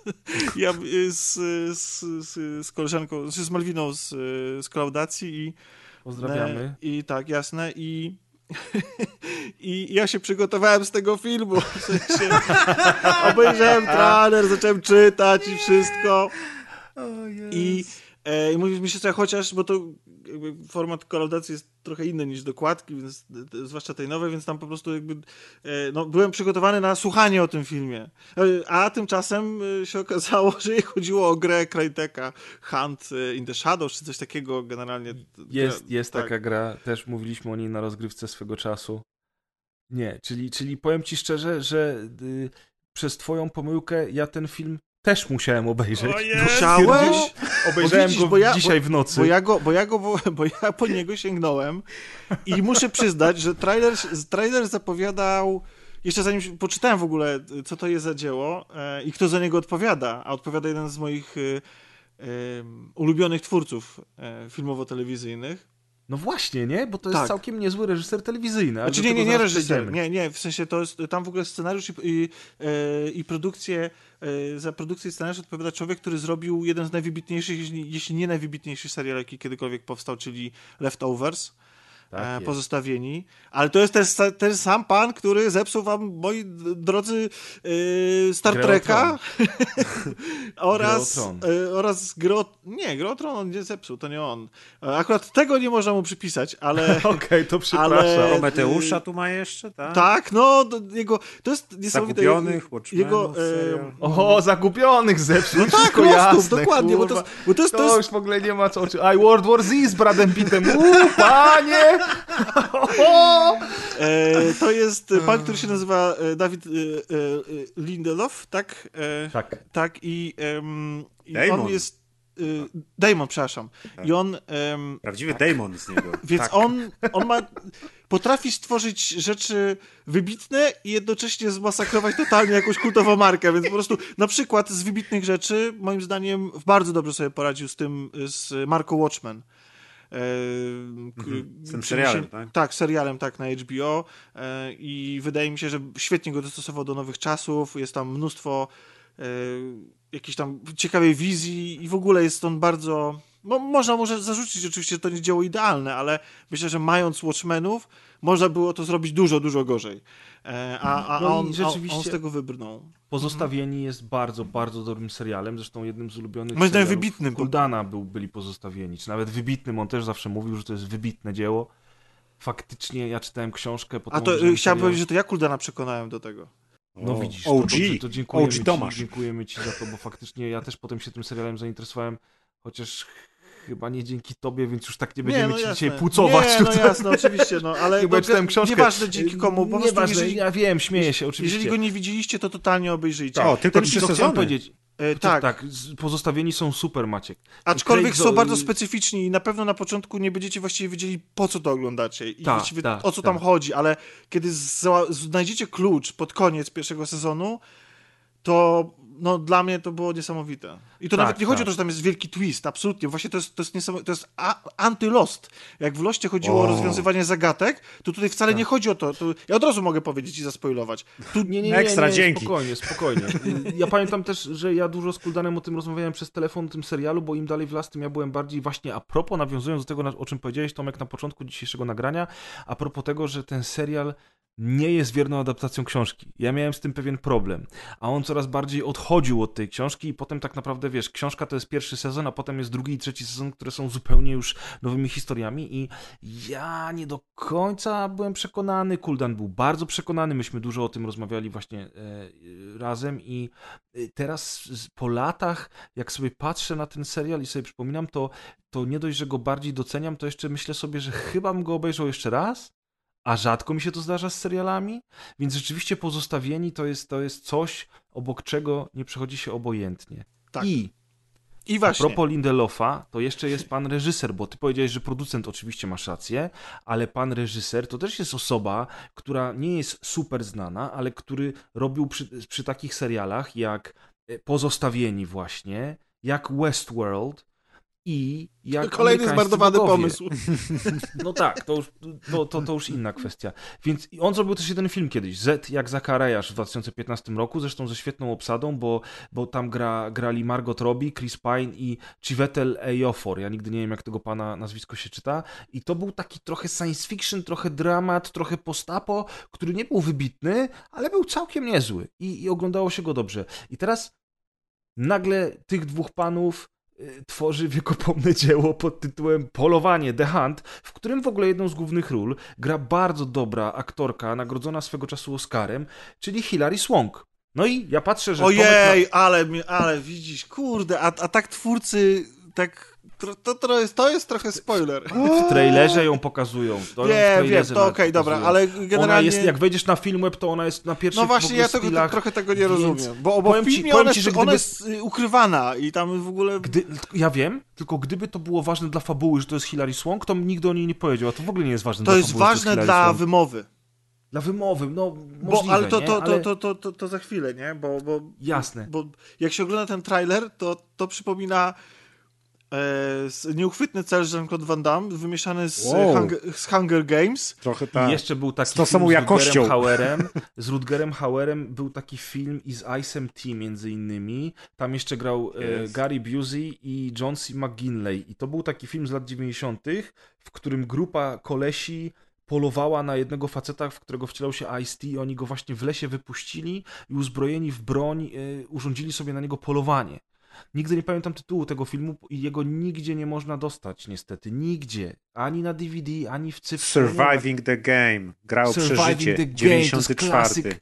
Tak jest, to jest pierwsza połowa lat 90., Boże. typowy VHS-owy klasyk i to mi się od razu skojarzyło z tym filmem, jak tylko zobaczyłem trailer. Tak, w dodatku trailer sugeruje, że znaczy jak patrzysz na te postacie, to one są właściwie takie wręcz wyciągnięte z parodii. Jakby czujesz, czujesz jakąś pewną taniość w tym wszystkim. No bardzo biednie to wygląda. I tak. I jak już odpalasz ten film, to się momentalnie orientujesz, że to wszystko jest przemyślane i że to jest wszystko specjalnie. Bo jakby, z, z, dlatego, że to jest przede wszystkim i tak moim zdaniem należy go rozpatrywać satyra. To Tak, nie to jest jest film na satyra. poważnie. tak, Wszystko tylko, że to tam... jest bardzo kiepska satyra, jeżeli mam No być dobra, to szczery. za chwilę do tego przyjdziemy, ale to e, tylko, tylko opowiedzmy właściwie o co chodzi, jakie, jakie są e, podwaliny tego pomysłu. Generalnie e, to jest e, bardzo proste i to tutaj nie ma właściwie e, co się z tym kryć. Grupa lewicowych, liberalnych, bogatych Amerykanów urządza sobie polowanie na e, prawicowych e, konserwatywnych e, obywateli, po prostu. Trochę tak, zwykłych trochę ludzi. tak. E, I z, z, klas niższych. I generalnie po, początkowo na początku jeszcze nie wiesz o co chodzi. Jest, jest, jest bardzo świadomie jest na, na, na, na główną bohaterkę kreowana taka właśnie typowa w takich horrorowato-thrillerowatych filmach e, dziewczyna, aktorka, która momentalnie ginie. Potem za chwilę poznajemy typa, który jest z kolei w takich tego typu historiach e, kreowany na właśnie tego macho, który wiecie, który jest taki najbardziej ogarnięty i on tam Który wszystkich... będzie liderem, prawda? Tak, który będzie liderem i on momentalnie ginie e, i właściwie, i właściwie to jest tak, że pierwsza, pierwsza, pierwszy akt filmu to jest cią- ciągłe przeskakiwanie między kolejnymi postaciami, które albo giną, albo im się jakimś cudem udaje coś, coś osiągnąć. I dopiero pod koniec pierwszego aktu poznajemy właściwie o kim jest ta historia. E, O, o, kto zostaje bohaterem i dowiadujemy się właśnie tych wszystkich A, dobrze, ale powiedz mi Tomek, po co jest ta historia bardziej? Bo ja ci powiem tak. To wszystko jest. wszystkim- ta, ta historia nie ma żadnego znaczenia. Bo to jest, to jest tak naprawdę. Y, dla mnie ten film mógłby się nazywać. Y, mógłby się nazywać Rozmowy o polityce The Movie. Ponieważ to jest tak naprawdę ekranizacja nastrojów. Y, W internecie. w internecie, tak. To, jest, to, jest, to, to, jest, to, to, to tak naprawdę w, jakby głównym celem tego filmu jest obśmianie wszystkiego i wszystkich. Tak, tylko że on właśnie, bo ja, ja rozumiem to.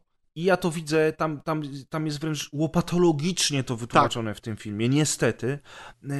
Tam te żarty są słabe i cały, cały ten motyw z tym, że w ogóle grup, ta grupa mordująca tych drugi, tą drugą grupę, y, tak naprawdę mająca krew na ręku, strzelająca z łuku, ze snajperek i rzucająca granatami, w ogóle doko- dokonująca okropnej zbrodni, mm, w tym samym czasie poprawia siebie, jak powinno się mówić o osobach czarnoskórych, coś tam wrzu- wrzuca w sztyki jakieś y, o, o ekologii, że to jest trochę niby taka beka z tych wstrętnych lewaków, którzy, którzy tutaj, wiesz, mm, przejmują się rzeczami, które ich nie dotyczą albo które, które nie są ich codziennym problemem, a jednocześnie z taką pogardą straszną traktują tych ludzi, którzy są im, im bliscy może, którzy są częścią ich społeczeństwa. No, trochę w ten sposób to rozumiem, trochę to jest oczywiście szydera wszystko, beka z tych le, le, lewicowych wariatów. No widzisz, tego... właśnie, właśnie ten film jest strasznie polaryzujący, ponieważ Tak. e, wszystko zależy od tego, jak po której stronie barykady Znaczy, on e, absolutnie mnie politycznej to, nie, jesteś. mnie to nie złości właśnie, ale- wręcz, ale- wręcz przeciwnie.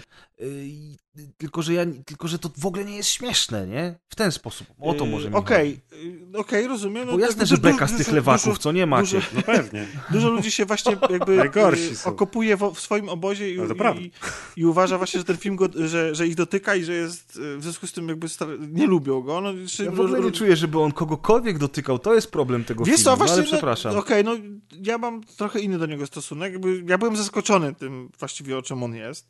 E, i, I dla mnie i, i dla mnie to mnie to śmieszyło. To znaczy em, uważam, że ten film się śmieje z wszystkich. Tak samo y, w bardzo mm, taki e, parodystyczny, grubo kresko określony e, sposób e, przedstawia obie strony konfliktu i tam jest generalnie to nie jest tak, że to jest tylko beka z lewaków, e, bo też jest beka z prawaków, też się posługuje bardzo takimi, być może nawet krzywdzącymi stereotypami po obu stronach. A z symetrystów to jest bardzo ważne u nas. Właśnie, widzisz! A, A? to jest tak naprawdę Symetryści. E, To, to, jest tak, to jest tak, jakby to był, e, tak jakby to był wręcz niemalże symetrystyczny film i być może, znaczy, bo Lindelof, producent i, i scenarysta, to jest człowiek, który zrobił bardzo, bo ci Watchmeni są bardzo polityczni są bardzo lewicowi.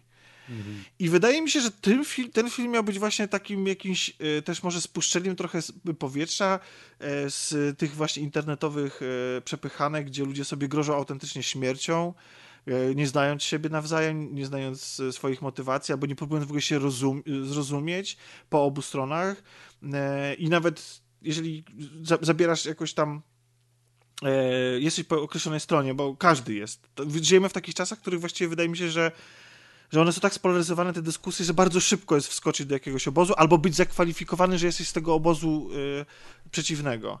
I to, jest, I to jest, wydaje mi się, też o tym film, że on pokazuje, jak. jak ym, czy rozmawiamy o poważnych rzeczach, jeśli chodzi o politykę. Bo to są. To są rzeczy światopoglądowe, to są rzeczy fundamentalne. Rozmawiamy o ludzkim życiu czasami, rozmawiamy o wolności, rozmawiamy y, o prawie i tak dalej ale sposób, w jaki to robimy, jest, yy, Przegięty. jest taki, czasami niedorzecznie głupi. I czasami Tak. nawet odbierający yy, nawet yy, taki yy, odbierający powagę tym tematom. Sprowadzany do jakichś najniższych po prostu odzywek, instynktów, jakichś takich agresywnych zachowań. Yy, I to się dzieje, teraz powiem coś symetrystycznego, ale to się dzieje po obu stronach. E, I to prawda, że mam wrażenie, że ten film dostaje, do, do, dowala bardziej lewakom, ale z drugiej strony y, nie próbuje wybierać wcale y, mm, zachowań Czy znaczy, on, nie wiem, czy jakichś szowinistycznych, czy rasistowskich i tak dalej. Jakby to, to nie jest To, tak, co że on mówisz, mówi... Mhm. To, co mówisz a propos y, tej dyskusji w internecie, tego, że wszyscy przesadzamy, że problemy, które, które omawiamy w internecie, bardzo często eskalują niesamowicie i, i rodzi się słowna agresja, rodzi, rodzi się bardzo duża nienawiść w internecie i jakby może ten film o tym chce y, mówić, ja to rozumiem, ty to rozumiesz, natomiast robi to w taki sposób, który właśnie nie do końca chyba jest, jest dobry, bo on może być trochę szkodliwy.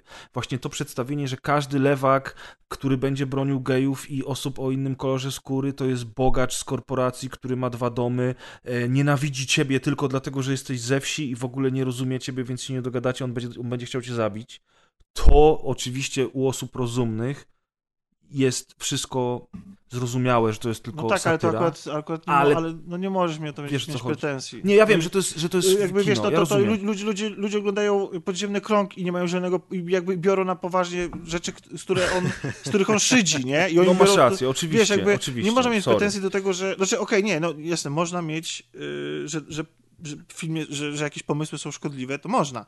Tylko to, że ludzie nie zrozumieją i że wezmą na poważnie rzeczy, które powinny być tak naprawdę obśmiane, to jest, wydaje mi się, długa tradycja tego typu kina.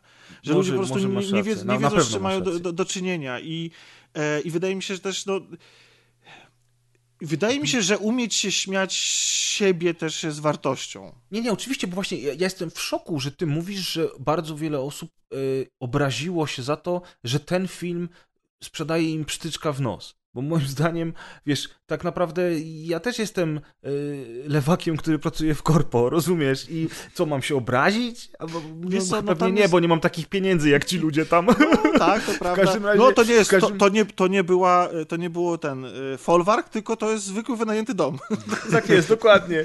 Y, W każdym razie druga rzecz taka, która bardziej tak naprawdę w tym, w tym filmie przeszkadza, ale może to dlatego, że żyjemy w takich czasach, kiedy jesteśmy otoczeni śmiercią dookoła, która dotyka nas bezpośrednio i, i po, po tym roku y, bardzo ciężkim dla nas wszystkich, może ja troszeczkę mam inne spojrzenie na to, ale przez te pierwsze akty tego filmu, te, o których ty wspomniałeś, to podejście do tego tematu śmierci, kiedy ci ludzie dowiadują się, że ktoś na nich poluje i ta, tutaj ktoś wpada na kolce, tutaj komuś urywa nogę, a ktoś jeszcze inny dostaje z łuku, a oni się wszyscy zachowują jak w pierdolonej grze komputerowej. I nie może, dostaje ten facet, który próbuje przeskoczyć przez płot, dostaje strzałę w ramię i tak się wkurza, że zamiast próbować uciekać, mówi, a pierdolę, kurwa, wychuje. Bierze ten pistolet, wraca się, biegnie tam, strzela na oślep i tak dalej. Babka, której urwało nogi i która jeszcze w ogóle y, jakimś głupim, niby bekowym tekstem wali do gościa, który próbuje ją uratować. Yy, yy. Ja wiem, że może to jest taka konwencja. Ja wiem, że to może Znaczy, właśnie jest to, o czym ty to mówisz. jest taka konwencja. Że to, jest, że to ci ludzie, którzy umierają na tym ekranie, to są tak naprawdę ludzie, którzy w internecie y, walczą Piszą na śmierć umrzyj życie albo- słowem. tak, tak. Możliwe, możliwe, ale jakoś gdzieś tam dla mnie to był zbyt duży dysonans między tym, co się dzieje, a tym, jak oni się A zachowują. widzisz, i tu się zgodzę. To znaczy, ym, ja. Ym, to, to, to, to jeszcze taki jeden temat poruszę, ale to, to za chwilę. Taki og- ogólniejszy. Ym, ja się zgodzę z tym, że. Bo to jest film sprzed pandemii. To jest, to jest film z innego świata. Mnie osobiście dużo bardziej razi przemoc y, taka, mm, w której, y, która jest rozrywką jak na przykład w, w grze, e, w Hunger Games, tak? W Igrzyskach Śmierci, czy na przykład, muszę przyznać, że jest mi ciężko, naprawdę jest mi ciężko zrozumieć Battle Royale. To znaczy, w sensie, nie, ja, to jest, ja rozmawiałem z wieloma osobami na ten temat i gdzieś te argumenty do mnie trafiają, natomiast nadal instynktownie, emocjonalnie czuję, że takie światy nie mogą istnieć po prostu. Że to jest coś, jest, jest w tym coś, coś jakby rozrywka, e, jakby polegająca na zabijaniu zwłaszcza dzieci, Mhm. które przecież i w Battle Royale i w Hunger Games y, się zabijają, jest, jest poza naszym gatunkiem mimo wszystko. W sensie jest jak, jakąś taką granicą, której na, nasz gatunek nie przekroczy nigdy. I robienie z tego show, popularnej marki i tak dalej, ja- jakoś mnie w jakiś sposób to boli. No oczywiście Battle Royale jest mądrzejszym, wydaje mi się jednak, y, opowieścią niż Hunger Games, ale e, w- wracając do, do tego, do, jakby ja ty- wybaczam to ludzkość nie- ale ty mówisz, że ludzkość tego, tej granicy nie przekroczy. Ludzkość tę granicę przekroczyła już wielokrotnie w historii, stary. Że, że daliśmy dzieciom się mordować? W sensie, jasne, Oczywiście, nie, no jasne, tak. mamy, mamy, mamy, mamy y, rejony, gdzie y, dzieciaki dostają kałasznikowy i idą na front, jasne, ale to jakby y, zamien- to nie jest nadal zamienione, wiesz, w show, nie? W, w, w coś, co, gdzie się można emocjonować i przyznawać punkty i tak dalej. Nadal, No, nadal mimo wszystko jest to, jest to jakieś... nie jest. nie, jasne, jasne, to jest nadal wpisane. Nie, no, jakby abstrahując absolutnie od barbarzyństwa tego i znaczy nie można od tego abstrahować, okej? Tak jakby to, jest, to jest barbarzyństwo i to jest okropne, że żyjemy w czasach, y, w których nie jesteśmy Mhm. w stanie temu zapobiec. Znaczy jesteśmy, tylko nic nie robimy, jako cywilizacja zachodnia na przykład. E, nie wiem, po prostu, po prostu y, jakby widzę tą, to jest jak Happy Free Friends, rozumiesz? Albo jak śmierć Keniego w South Parku. Po prostu nie bierzesz, jakby to jakaś e, forma po prostu przemocy, która e, może bawić, ale rozumiem, że, znaczy doskonale rozumiem. Rok, e, poprzedni rok e, nas doświadczył mocno e, i ja też na, na pewne rzeczy patrzę inaczej i tutaj chciałem jeszcze właśnie rozwinąć ten temat. W sensie, żeby było jasne, co chciałem powiedzieć. Chciałem powiedzieć to, że mi to nie przeszkadzało w, nawet w czerpaniu rozrywki z tego filmu. Po prostu ta przemoc, ale doskonale rozumiem, co Grzegorz, co Grzegorz ma na myśli. I Mhm. podzielam jego e, emocje w innych przypadkach, e, na przykład, tak? E, Innych dział. Ale zastanawia mnie jedna rzecz, bo kolejny, kolejny raz przesunę do Bonda, dużo filmów e, przewę- jakby e, za- e, zaliczyło opóźnienie i wyląduje w przyszłym roku. Znaczy w tym roku, albo jeszcze w ogóle w przyszłym i tak dalej. Nie wiadomo zresztą, ile czasu potrwa ta sytuacja, która jest e, na świecie i tak się zastanawiam, to wszystko będą dzieła w ogóle sprzed innej epoki. Mam wrażenie. Tak, oczywiście. Że, że tak. i zastanawiam się, przepraszam, muszę, muszę się napić. Mm. Mam wrażenie, że będą e, że będą trącić myszką? Może? Nawet jeśli to będą popkulturowe rzeczy, to może nasze oczekiwania od tego, co chcemy oglądać na dużym ekranie i w ogóle roz, jak, jakie rozrywki i w ogóle jakie, jakie tematy chcemy, bo każde tego typu wydarzenie zm- zmieni, zmienia w jakiś sposób kulturę. Kultura jest odpowiedzią na nastroje aktualne. Yy, Atak na World Center zmienił bardzo mocno kulturę zachodnią. Ym, Kryzys w 2008 roku też na to wpłynął. Potem po- po- pojawili się superbohat- superbohaterowie, którzy też byli jakąś odpowiedzią na to, czego ludzie oczekiwali. Teraz mamy pandemię i wydaje mi się, że, że, że, że te wszystkie dzieła, które poszły na półkę i czekają na swoje wielkie wejście, mogą być... y, Albo to jest pytanie w ogóle, czy będą? Co, co sądzicie Na wy? pewno trochę będą. To będzie troszeczkę tak po drugiej stronie lustra, jak ta Alicja czy, czy Neo, ale tylko trochę, bo jest bardzo wiele tematów, które są uniwersalne i takich dzieł na pewno też wiele powstało i czeka na półce, żeby, żeby pokazać się światu. Zatem pamiętaj o tym, że wiesz, czas leczy rany i za każdym razem, czy to było World Trade Center, czy to były te kryzysy gospodarcze, czy teraz ten COVID, za każdym razem jest tak, że im dalej od tego momentu, tym bardziej y, popkultura wraca jakby na swoje tory. No po prostu. I wiesz, to nie jest tak, że już teraz nigdy nie będziemy Nie, robić no jasne. filmów, czy oglądać filmów, jasne. wiesz, o zabijaniu takim, jakim właśnie jest ten, to polowanie chociażby, nie? No to Yy. wiesz, o co mi chodzi, nie? Tak, jasne. No, y... Ja jakby podsumowując temat tego filmu, dla mnie on... y, Tematy, o, które, o, których ludzie dysku, o których ludzie dyskutują i walczą, są poważne. I wydaje mi się, że to, co ten film stara się zrobić, to pokazać, jak bardzo jałowe No. jest y, zdzieranie własnej psychiki. e, Jak bardzo co jest jałowe? jałowe jest zdzieranie własnej psychiki w sporach, y, których y, nie jesteśmy w stanie wygrać w internecie, tylko jakby i, i jak bardzo y, wszyscy nawzajem się nakręcają i, i powodują tylko coraz większą frustrację i agresję. I że Mhm. te tematy, wydaje mi się, że y, są na tyle istotne, że musi się zmienić forma dyskusji o nich, żeby w ogóle cokolwiek się zmieniło. Nie wiem, tak mi No się tak. wydaje. To, to, to jest Y- moja, moja interpretacja filmu, oczywiście. To nie jest wybitny film, żeby nie było, ja go nie chcę bronić za wszelką cenę, bo to nie jest tak, że to jest, że ta to satyra wszystko- jest niesamowicie wyszukana i w ogóle, nie, nie. No to właśnie, jest, to jest właśnie absolutnie nie jest i to jest problem, film. nie? To Tak, jest problem. Tak, tak że, ale... że jakby faktycznie zaczęliśmy od tego, że oglądanie tego filmu było pomyłką, że to jest kiepski film, śmialiśmy się z niego, po czym jak zaczęliśmy o tym rozmawiać, to okazuje się, że tam są wartości, które, y, wiesz, powodują, że my 15 minut później nadal o nim rozmawiamy, wyciągamy jakieś wnioski, więc tam jest drugie dno w tym filmie, ale satyra e, jest kiepska, poczucie humoru jest kiepskie, podejście do tematu no nie wiem, kurczę, jakby ja nie wiem, czy do tego filmu kiedykolwiek w ogóle wrócę, a najgorsze jest to, że jak obejrzałem ten film i zaczęły się napisy końcowe, to ja w zasadzie nie miałem pojęcia, po co ja to obejrzałem. Jakby. Bo te rzeczy, o których my mówimy, które ten film porusza, to my wiemy bo my funkcjonujemy w internecie, prawda? Rozmawiamy na ten temat, widzimy, co się dzieje. Więc jakby my to wszystko wiemy. I poza tym, że tam występują osoby, które są mniej lub bardziej znane z telewizji, mm, z jakichś tam popularnych serialów, poza tym mykiem na początku, że wydaje ci się, że to będzie bohaterka, czy główny bohater, a potem się okazuje inaczej, czy paroma dobrymi scenami, bo jest tam kilka świetnych scen, jak chociażby moment, kiedy główna bohaterka kupuje papierosy w tym przydrożnym sklepiku. No to jest świetna scena, świetny motyw ale ogólnie rzecz biorąc, ten, nic tego, ten film niczego nie wniósł, po prostu. Ani pod kątem akcji, nie? Ani pod kątem fabuły, ani pod kątem y, tych przemyśleń, które on niesie. Może on jest potrzebny, może, może faktycznie inni ludzie coś z niego wyniosą, czego ja nie byłem w stanie wynieść z niego, ale, ale ostatecznie uważam, że ten film po prostu niczego mi nie dał.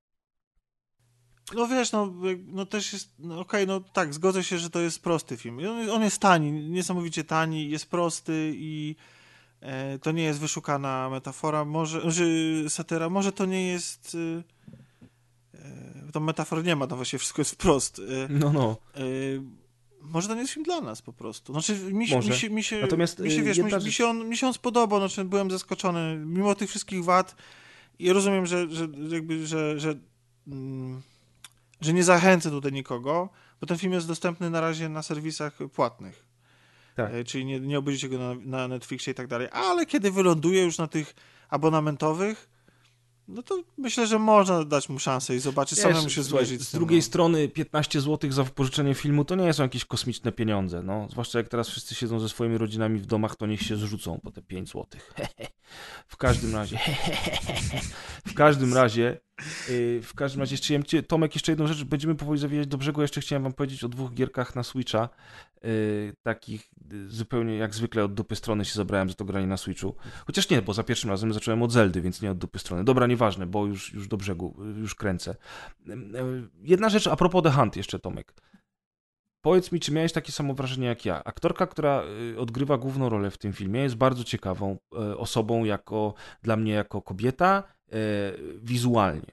No jej rola w tym filmie też jest bardzo ciekawa. Ja uważam, że ona całkiem dobrze zagrała tę postać i, i, i ogólnie ta rola jest bardzo ciekawa, tej głównej bohaterki. Natomiast ta kobieta z jednej strony jest młoda, bo ona ma 34 lata, y, bardzo taka kobieca, właśnie taka typowa dla horrorów czy slasherów, wysoka, szczupła blondynka z wielkim cyckiem, e, przepraszam, jeżeli kogoś uraziłem, lewaki, będziemy na was niedługo polować, no nie, sorry, sorry, na odwrót.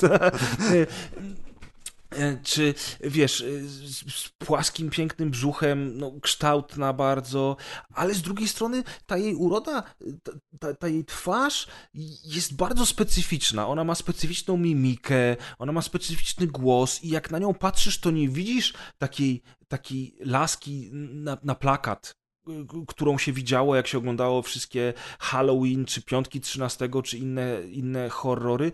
Tutaj jest. Ta babka jest bardzo specyficzna. Ja nie jestem w stanie ubrać jej w słowa. O, może w ten sposób. Yy, Tomek? Wiesz co, no nie, no to znaczy ja może odejdę od oceny jej urody, bo mi się wydaje, że w ogóle to nie ma znaczenia w kontekście tego filmu. No ma znaczenie, bo no, to jest, bo to jest znaczy, stereotypowa bohaterka horroru. Właśnie, wiesz. znaczy wiesz, ja, ja tą aktorkę znam przede wszystkim z serialu Glow. O widzisz. I więc jakby widzę, że ona się w tym serialu zagrywa. Te jej wszystkie grymasy twarzy, takie, y, y, jakby taki lekki paraliż y, w jedną stronę. Ona jakby gra trochę jak, jak Sylvester Stallone.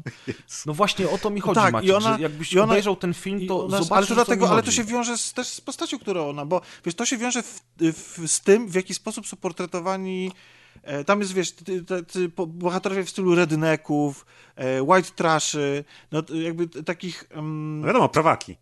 No, no czy nie, no nie, no, wiesz, chodzi mi o to, że jak myślisz o takiej, znaczy mieliśmy przed chwilą y, atak na Kapitol, to są właśnie tacy ludzie. O, tak. Wiesz, jakby i, i sobie tak sobie, tam, tam jeden gościu mówi, że ma siedem sztuk broni w domu i w ogóle, więc, więc to są, to też są tacy bardzo przerysowani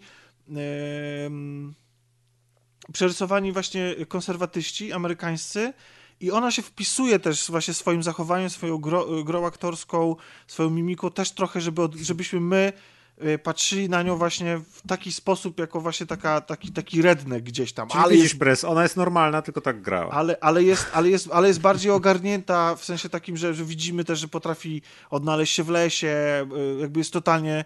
mm, em, ja w ogóle się tam spotkałem z jakimś, gdzieś ktoś kiedyś ją nazwał w jakimś komentarzu, że to jest Mary Sue, to jest jakaś totalna bzdura. To nie jest Mary Sue. No nie, to, to jest tam- totalnie jest wyjaśnione, tak, czemu wyjaśnione, ona czemu, potrafi czemu, to wszystko. czemu ona to potrafi i, i to Merysy są lewackie. i wydaje mi się, że też kluczem do jej do jej bohaterki też jest y, to jest w ogóle chyba wydaje mi się też klucz interpretacyjny w ogóle do całego filmu. Jest też to, co ona robi w samym finale jakby, żeby, żeby, to nie, żeby tu nie, nie, nie zdradzić, ale żeby to powiedzieć o co chodzi. Generalnie ona prosi o wyłączenie muzyki w bardzo określony, konkretny sposób. I to moim zdaniem doskonale ją też jakby określa, tą bohaterkę i y, łączy się bezpośrednio z tym, co dowiadujemy się o niej wcześniej. I to, w jaki sposób ona się zagrywa, w jaki sposób się zachowuje. Bo ona gra bardzo tutaj charakterystycznie. No w Glow jest jakby zupełnie ten... e, No niby się nie staracie, a tak mnie zachęcacie, żebym to obejrzał, mimo tego, że zwiastun mnie odrzucił, ale teraz już wiem, że to jest właśnie taki trik. Bo, widzisz, bo tam jest dużo skład, składowych, które są całkiem udane, a ostatecznie wychodzi film byle jaki. Mhm. To jest problem chyba tego całego polowania. No ja nie będę się z tobą kłó- w sensie nie będę tutaj nikogo zachęcał niesamowicie, no mi się ten film, ja się dobrze na nim bawiłem, mi się ten film podobał, widzę jego błędy, jakby nie uważam, że to jest niesamowite jakie dzieło, wiem, że tak jak już tutaj mówiłem wielokrotnie, e, że ta satyra jest prosta, e, a mimo to po prostu nie uważam, że to był stracony, e, stracony czas dla mnie, więc to już jest... No i pięknie. tak. Y, Ale o grach ja- miałeś opowiadać, a tu... Tak, my- właśnie chciałem powiedzieć, bo Adrian wysłał mi Switcha swojego, żebym mógł sobie pograć. Y, Adriana nie pozdrawiamy. Wow. Jezu. Nie no, śmieję się, bo za każdym... Wiesz, Jasne. jak Adriana nie ma, to teraz mogę mu sprzedać psztyczka, bo jak y, spinamy się, spinamy Switcha nawet możesz y, sprzedać. dla, dla zabawy na nagraniach, to, to Adrian jest tak y, inteligentnym i bystrym, y, wiesz, jak Co? to się mówi, szermierzem, że, że tam piłki odpowiednio sprzedaje, a teraz zobacz, mogę mu pojechać A. i on nawet o tym nie wie, bo tego nie odsłucha. Zatkało A kakao. ponieważ, no, Adrian zatkało, no. A ponieważ y, zawsze wszystkich pozdrawiamy, jak o nich wspominamy, to uznałem, że to będzie bardzo śmieszne, jak Adriana nie pozdrowimy. No, Ale dobra, uba. nieważne. Takie głupoty właśnie, widzisz, już jest późna pora. W każdym razie, słuchajcie, Switch. No i, no i Adek mi poczuł tego Switcha. Czeka na mnie m.in. Marvel Ultimate Alliance 3 czy y, Warriors of Hyrule, Age of A, czyli Cadence. planujesz tak? zagrać Hyrule. fajne gry. Hyrule, przepraszam. tak, Hyrule. Nie, nie, dobrze, po, po, poprawię mnie, bo ja wiesz, że ja tego uniwersum to nie znam y, generalnie rzecz biorąc, ponieważ zakochałem się w Zelda Breath of the Wild, a to jest prequel do tej Zeldy, co ja sam nawet rozpoznałem po trailerze, więc chociaż już tyle ogarniam z Zeld, to mówię, no koniecznie muszę w to zagrać, koniecznie. No i dlatego, że to mam, to zagrałem w jakieś gówna, nie? Zamiast w to.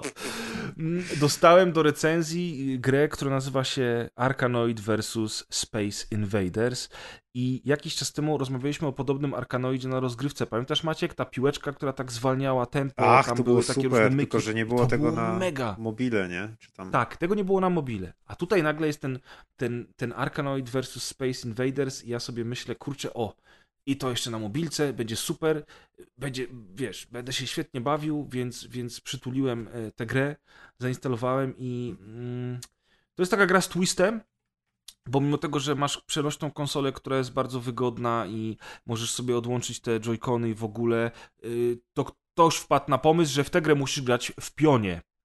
Bo y, tak, musisz grać w pionie, bo to jest Arkanoid, więc masz tą paletkę, która jeździ na dole, masz te klocki, ale tych klocków tutaj nie musisz wszystkich zniszczyć, bo ty musisz odbijać strzały i niszczyć kosmitów, którzy są żywcem wzięci ze Space Invaders.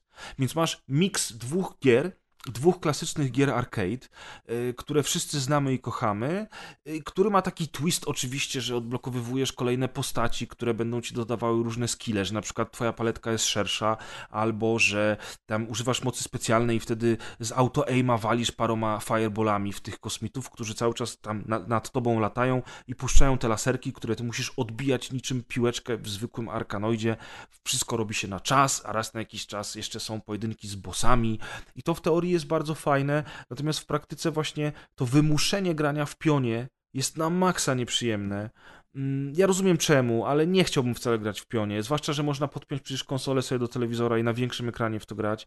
Y, a druga rzecz jest taka, że w ogóle nie używa się joyconów do tej gry, tylko trzeba wszystko robić na ekranie dotykowym. O, I tutaj od razu sobie przypomniałem naszą dyskusję na temat tamtej gry Arkanoid. Ja nie pamiętam za cholerę jej tytułu, ona była... Draukanoid to był chyba, nie? coś w tym stylu. I ona była mega, mega, mega, mega fajną grą tego typu. Niestety Space Invaders vs Arkanoid, czy tam też Arkanoid vs Space Invaders, taki fajny wcale nie jest. A to, że sterujesz tylko dotykiem i cały czas machasz palcem, w ogóle mi się nie podoba, bo ja nie lubię gier dotykowych, ja nie lubię palcem zasłaniać sobie ekranu, na którym gram. Wolałbym o wiele bardziej robić to po prostu z joyconem i mimo tego, że mimo tego, że niby jest większa responsywność, bo ten, bo ten, ten, ten, ten padzik, czy, czy ta deseczka, którą machasz, rzeczywiście jest zajebiście responsywna i doskonale reaguje na twoje ruchy palcem. Może przez to gra jest troszkę zbyt łatwa, zwłaszcza na początku, to jednak po prostu no, sterowanie dotykowe po ekranie nie, nie, jest, nie jest fajne. No i jest jeszcze jeden bardzo duży minus. Y, Ta cała gra ma otoczkę taki, takich chińskich bajek japońskiego anime. Przed chwilą mówiłem, że, że uwielbiam Zelda Breath of the Wild, ale mi chodzi o takie naprawdę e, anime, gdzie blond pani z wielkimi oczami, e, jak do ciebie mówi, to cały czas wydaje takie odgłosy, jakby dostawała orgazmu mniej więcej co 5 sekund i, i, i jest bardzo podekscytowana tym, co się dzieje i jest jakaś muzyczka japońska w tle i, i przez to wszystko mm, ja osobiście odbiłem się od tej gry, bo liczyłem na coś takiego z pomysłem na siebie jak Draukanoid i rzeczywiście widać tutaj, że jest bardzo dużo różnych miksów, trochę fajnych pomysłów, trochę gorszych, ale ostatecznie oprawa, udźwiękowienie, to, że musisz grać w pionie i musisz używać y, ekranu dotykowego, to wszystko spowodowało, że no ja się jakoś tam szczególnie z tą grą dobrze nie bawiłem. Także nikomu jej nie będę polecał od siebie, ale, ale myślę, że jeżeli ktoś lubi takie ar- arcade'ówki właśnie jak ja lubię, to, to może sobie poszukać lepszych tytułów niż to. Tamten rzeczywiście był Drowkanoid się nazywał i niestety wciąż jest tylko na Steamie dostępny. Tego, Właśnie, oni nigdy widzę. nie wydali tego na inne platformy, a to była bardzo dobra gra. Mm. Bardzo. Ja ten, tak mi się skojarzyło, że ostatni Space Invaders, w jakie grałem, to było y, Infinity Gene. Y, Ono wyszło, ja to grałem na telefonie kiedyś, a było też na Xboxa 360 i PS3 i to było takie Space Invaders w takiej powiedzmy wizualnej estetyce Reza, czyli taka wektorowa grafika, czarne linie na, na znaczy białe linie na czarnym tle, chociaż były tam też kolory i to była bardzo fajnie zaprojektowana gra tak y, ze strony artystycznej. Aż mi się przypomniało, że dawno nie grałem, może bym sobie do tego wrócił, bo też była taka, i miała taką chiptunową muzyczkę i tak, taka, taka, taka śmieszna, dziwna, trochę pojechana właśnie w stylu rezowym. Więc jak ktoś chce y, Space Invaders, to, to niech sobie w tamto zagra właśnie, Infinity Gene. No proszę, widzisz. To dobra polecajka. A powiedz mi Maciek, czy ty pamiętasz taką grę, o której rozmawialiśmy dawno temu na rozgrywce, która nazywała się The Hong Kong Massacre? Oczywiście. Była, była takim Hotline Miami połączonym z Maxem Payne'em, Mhm. prawda? Bardzo fajna gra. Tak, ty się zagrywałeś w nią, ja też w nią trochę grałem, żeśmy o tym rozmawiali, no to wyobraź sobie, że y, powstała konwersja, port na Switcha właśnie i, i, i polska ekipa w ogóle ten port y, stworzyła. Ja sobie ograłem ten Hong Mhm. Kong Massacre właśnie na Switchu niedawno i port jest super, to wygląda bardzo ładnie, Mm, chodzi, chodzi przyzwoicie, chociaż jeżeli mam być szczery, to już jest moja, to już jest, że tak powiem, mm, moje osobiste upodobanie, to jednak wolałem grać na PC-cie y, ze względu na tą lepszą płynność, dlatego że tam jest dużo takich elementów fizyki. Pamiętasz, tam te deski się, się, się niszczą, Mhm. Fruwa szyby lecą rzeczy. w drobnym. Tak, jest to Jak slow motion. Tak, bo to jest taki John Woo trochę. To kojarzysz w ogóle Tomasz? The Hong Kong Massacre? Grę? Tak. Tak, tak, tak. Kojarzę grę No. i to oczywiście kojarzę filmy Johna Woo. Nie no, filmy Johna Woo, no wiadomo, To ale jest- ta gra jakby nie jest powiązana z filmem, nie? Tylko ona właśnie jest stylizowana na tak, te klimaty tak, bardzo. Tak. To, co mnie, tych, to, co tych mnie w niej akcji. zastanawia i to w sumie mam do ciebie pytanie, do was, skoro ob, obydwaj znacie. Tam się pojawiają przerywniki y, jakieś takie filmowe, ta, ta, ta, ta historia jest w jakiś taki sposób intrygująco opowiadana, ale to się w ogóle jakoś spina, to w ogóle do czegoś prowadzi, czy... Bo, bo pierwsze skojarzenie z tą grą to jest oczywiście Hotline Miami. Mm, No i to jest słuszne skojarzenie. Tak. Znaczy, ale to jest oczywiście- tylko gameplayowe, jakby Znaczy tak, tak, ale oczywiście w połączeniu z Maxem Payne'em i z grą, y, która już bezpośrednio jest kontynuacją filmów Johna Woo, y, której nazwę z kolei ja nigdy nie Stranglehold. potrafię... Stranglehold. Tak, Strangle- Aha, Stranglehold. Maciek, piąteczka. E, tak, to jest, y, więc pierwsze co, jak, jak patrzyłem na, na, na tą grę, to właśnie przypominała mi się ta, tamta gra z kolei. I Słuszne Hotline Miami, ale w Hotline, w Hotline Miami wiemy, że ta historia ma znaczenie i że w ogóle to jakieś tam ma siódme dno i tak dalej. I mam pytanie, czy w związku z tym tutaj y, też y, ta historia w ogóle jakby jest, jest istotna, czy to po prostu chodzi tylko o to, żeby mieć spoiwo Ja pomiędzy zarówno kolejnymi y, na PC, jak i na Switchu pomijałem filmiki, jeżeli mam być Okej. szczery. Rzadko kiedy to robię. A z tego co A ja tu- pamiętam, to w ogóle to nie miało znaczenia. Takie były to Tak. właśnie takie niby intro, yy, całkiem fajnie zresztą wyglądające, bo w takim też klimacie low-fi, yy, z takim tam aberracją chromatyczną, rozmazane filtry i tak dalej.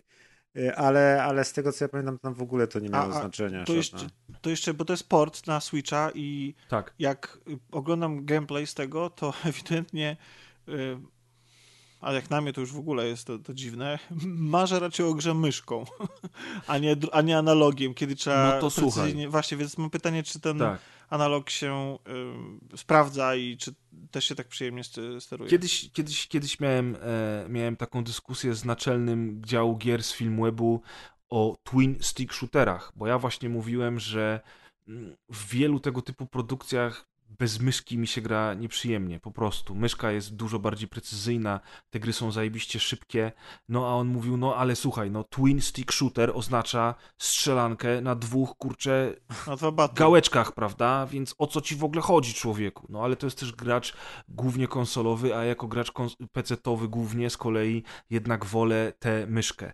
I bardzo duży problem miałem z Hong Kong Massacre na Switchu, dlatego że nie dość, że ta gra jest bardzo trudna i tam każdy kolejny etap to jest, to jest wyzwanie, to jeszcze niestety, ale to celowanie na tych gałeczkach malutkich od Joy-Cona jest mało precyzyjne. Mm. Ono ma oczywiście mały aim assist. I tam już jak zaczynasz strzelać, nacelujesz tego ziomeczka, to, to troszeczkę się ten celownik do niego przykleja. Natomiast jest to trudne i niewygodne na tych gałkach od Joy-Conów i o ile na wersji PC-towej grając na klawiaturze i myszce byłem w stanie często robić akcje bez zwalniania czasu i przycelować tą myszką, wbiec do pokoju, rozwalić dwóch kolesi naraz, o tyle w wersji switchowej ten slow motion wciskasz cały czas. Bo inaczej po prostu nie przejdziesz tych misji. Bo chyba, że jesteś naprawdę jakimś super wyjadaczem, który po prostu, wiesz, nawet nogą, od, y, palcami od stopy będzie tym joyconem operował i rozpierdzieli wszystkich w pokoju, to spoko. Dla mnie masakra. W Hongkongu. No tak, w Hongkongu. Nie w... Powrót Ładne, króla! ładne. Powrót króla! Dokładnie. Dokładnie tak. Yy, Także, także to jest bardzo dobre pytanie, Tomek. I niestety ciężko mi jest powiedzieć teraz, yy, przez to, że jestem osobą, która bardzo mało grała na Switchu w jakiekolwiek gry, ciężko jest mi powiedzieć, czy większość tego typu gier ma takie nieprecyzyjne celowanie, jeżeli chodzi Ta, o twin ta, stick mi się shootery wydaje, na ta mi się wydaje specyficzna, wiesz, bo wydaje mi się, że twin stick shootery, które są na konsolach, polegają na trochę czymś, jakby trochę jest inny model Mhm, tego, tak. tej rozgrywki. Ta gra jest, no tak, znowu to porównanie do Hotel Miami, ona jest taka bardzo precyzyjna i, i właśnie przez to, że każdy strzał może cię zabić i właściwie pokonujesz też jednym strzałem przeciwników, to powoduje, że że to jest taka, to, to jest gra taka w ogóle, mm, jak ja ona, mi, ona wygląda jak, jakby to był taki cover shooter niemalże. Taka gra taktyczna, gdzie musisz po prostu wyczekać moment, w którym e, ten, ta, ta, ten przeciwnik się ustawi w odpowiednim momencie, wtedy otwierasz drzwi i tak dalej. Jeszcze bardzo shootery- często ten przeciwnik jest na drugim końcu ekranu jakby i ta akcja Tak. nie jest taka, że masz, że kamera jest wysoko, tu kamera jest bardzo blisko i często jak tylko kogoś zobaczysz, to już musisz go zabić, jak tylko się pojawi na ekranie. Ja też pamiętam, że musiałem się dużo przyzwyczaić w tej grze, sporo trzeba na pamięć grać, w sensie, że no musisz się nauczyć tego etapu, gdzie kto jest, bo jak tak biegniesz, to oni po prostu się bardzo szybko pojawiają, a w takich tradycyjnych twin stick shooterach to często ta kamera jest wyżej, ty ogarniasz całą akcję i sobie tam I masz dużo, dużo przeciwników pocisków, nie? bardziej. Tak, w sensie jakby kontrolujesz, bo możesz tym, tym stickiem po prostu jakby siać niemalże. Mhm. I to jest jakby, dlatego właśnie twin stick shootery mają e, sens i ja totalnie e, czasami lubię sobie w nie pograć. E, a, a, ale ten, ale, ale, ale właśnie tego typu, dlatego zapytałem, bo zwłaszcza na gałkach od Joy-Conów, które są kocham Nintendo i uważam, że zrobili dla rozwoju gier e, wiele dobrego. No, między innymi to oni wprowadzili jako pierwsi gałkę analogową i e, kocham Switcha, ale no te gałeczki to nie. nie. No, niestety nie. Ja mam co prawda, ja mam co prawda te, takiego pada i to też jest śmieszna historia, bo ja kupiłem pada i, i, myślałem, że on jest bezprzewodowy. Zastanawiałem się, czemu on kosztuje tylko stówę. Myślę sobie, ale fajna promocja. Po czym się okazało, że to jest pad, który jest na kablu. Yy, I, i, i, I mógłbym sobie podłączyć tego pada i podejrzewam, że wtedy grałoby się dużo wygodniej. Natomiast dla mnie Switch nie jest tą konsolą, którą ja chcę mieć podpiętą do telewizora, tylko chcę go używać właśnie przenośnie. No i, i rzeczywiście te joy, joycony są jakie są. Natomiast jeżeli chodzi o Hong Kong Massacre i granie właśnie na małym ekranie, to ja mam jeszcze jeden problem z tą grą. I podejrzewam, że to nie będzie jedyna gra, z którą będę miał problem przy graniu na małym ekranie. Ten rzut kamery ta perspektywa, te małe ludziki przy jednoczesnej precyzji i dynamice tej gry, która jest po prostu ogromna, mm, gra, źle mi się w to gra na małym ekranie. Wiecie o co mi chodzi? Te ludziki są za małe, ja muszę naprawdę się skoncentrować, żeby, żeby tam przycelować, zwolnić czas, trafić tego to gościa. Jest, tak, to jest Grzegorz geriatria i demencja już. No. no. chciałem, tak myślałem, że ktoś powie, że to jest kwestia Ale ta starości, grafika natomiast... też na przykład zlewa się, bo ona jest fotorealistycznie Dokładnie. zrobiona i często to są ciemne lokacje, hotele, zaułki.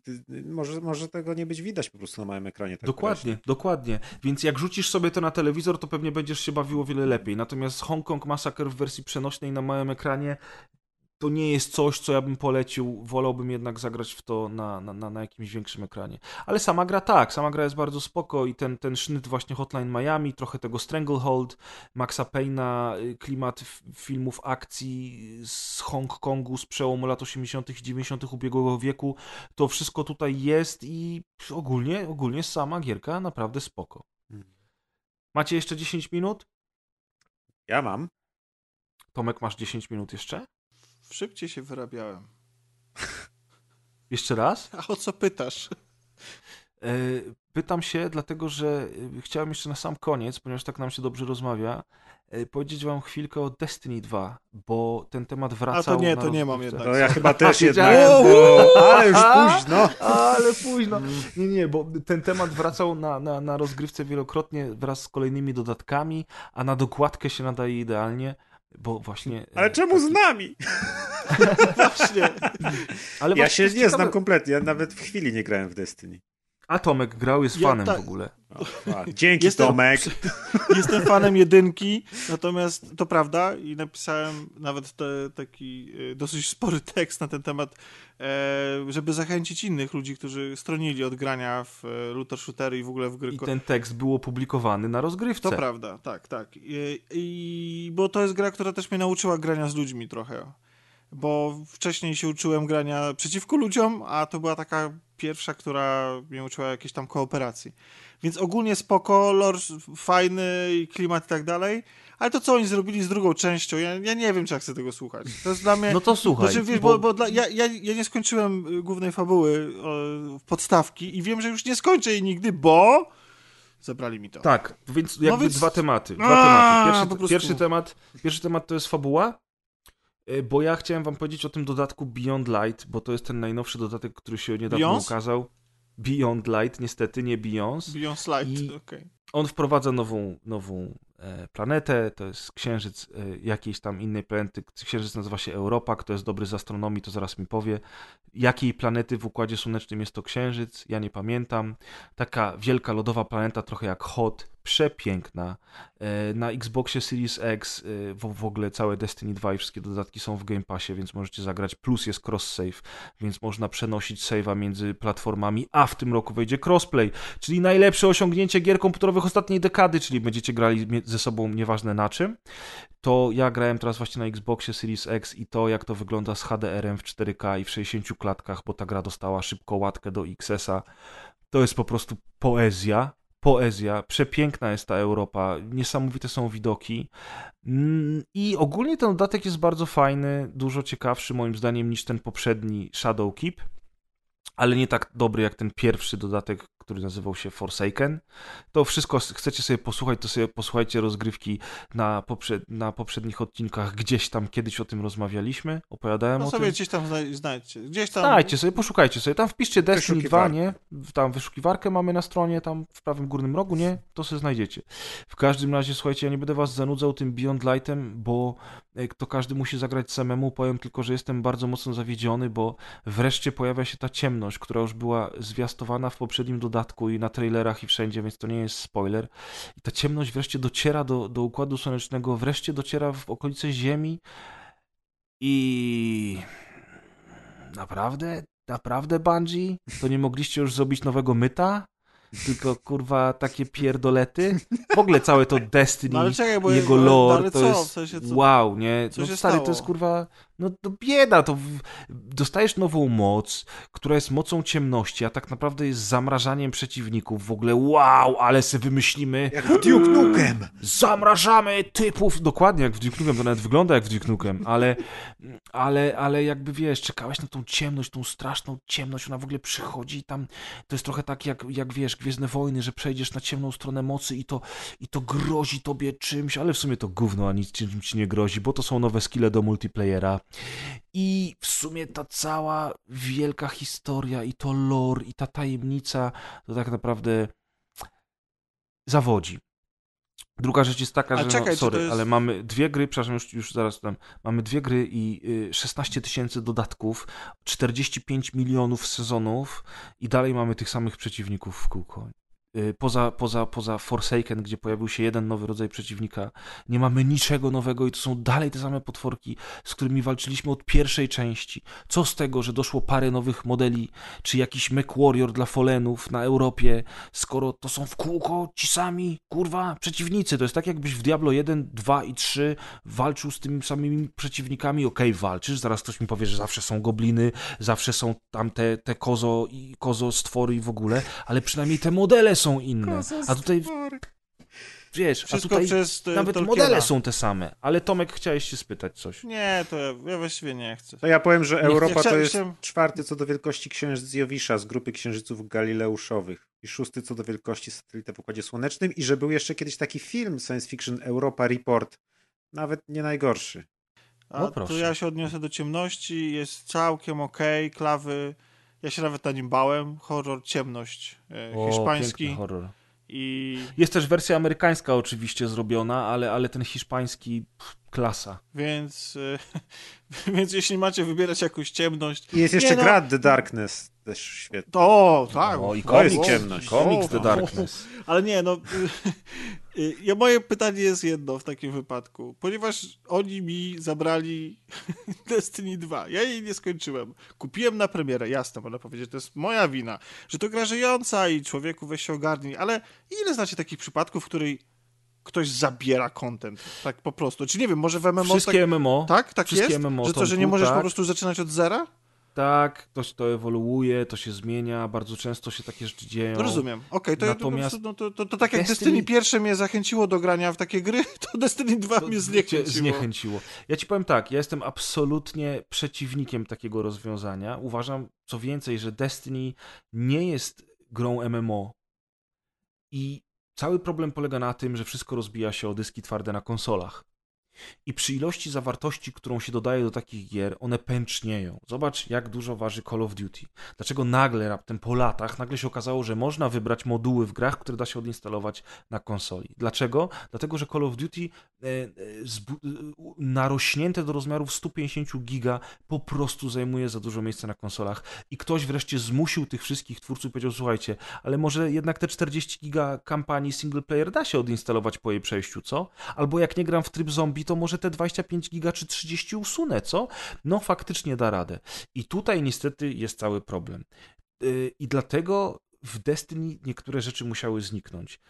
Czemu tak to rozwiązano? To, że oni to ukrywają pod, pod otoczką fabularną, że hmm, yy, strażniku, nie wiemy, co się stało z księżycem i z czymś tam jeszcze. A ty siedzisz przed tym, tym i mówisz, kurwa, jasne, że wiemy. Konsole. Świetna fabuła, dzięki. Wiesz, Okej, okay, dobra, bo jestem trochę hipokrytą. Gdybym chciał ją skończyć, to miałem po prostu tyle czasu, żeby skończyć tą fabułę. Teraz są dwie strony medalu, Tomku. I tutaj trochę pobawię się w adwokata diabła. Dwie strony medalu są takie, że ja jako osoba, która gra od pierwszej części, przeszedłem wszystkie dodatki, grałem w dwójkę od premiery, przeszedłem kampanię na premierę, przeszedłem wszystkie dodatki wtedy, jak one wychodziły. Mam już za sobą kampanię. Nadal uważam, że to jest mega chujowe, że ta kampania zniknęła, zwłaszcza dla takich graczy jak ty, którzy nie zdążyli jej przejść, albo dla ludzi, którzy dopiero do gry dochodzą i po prostu nigdy jej nie przejdą. Może ona kiedyś wróci.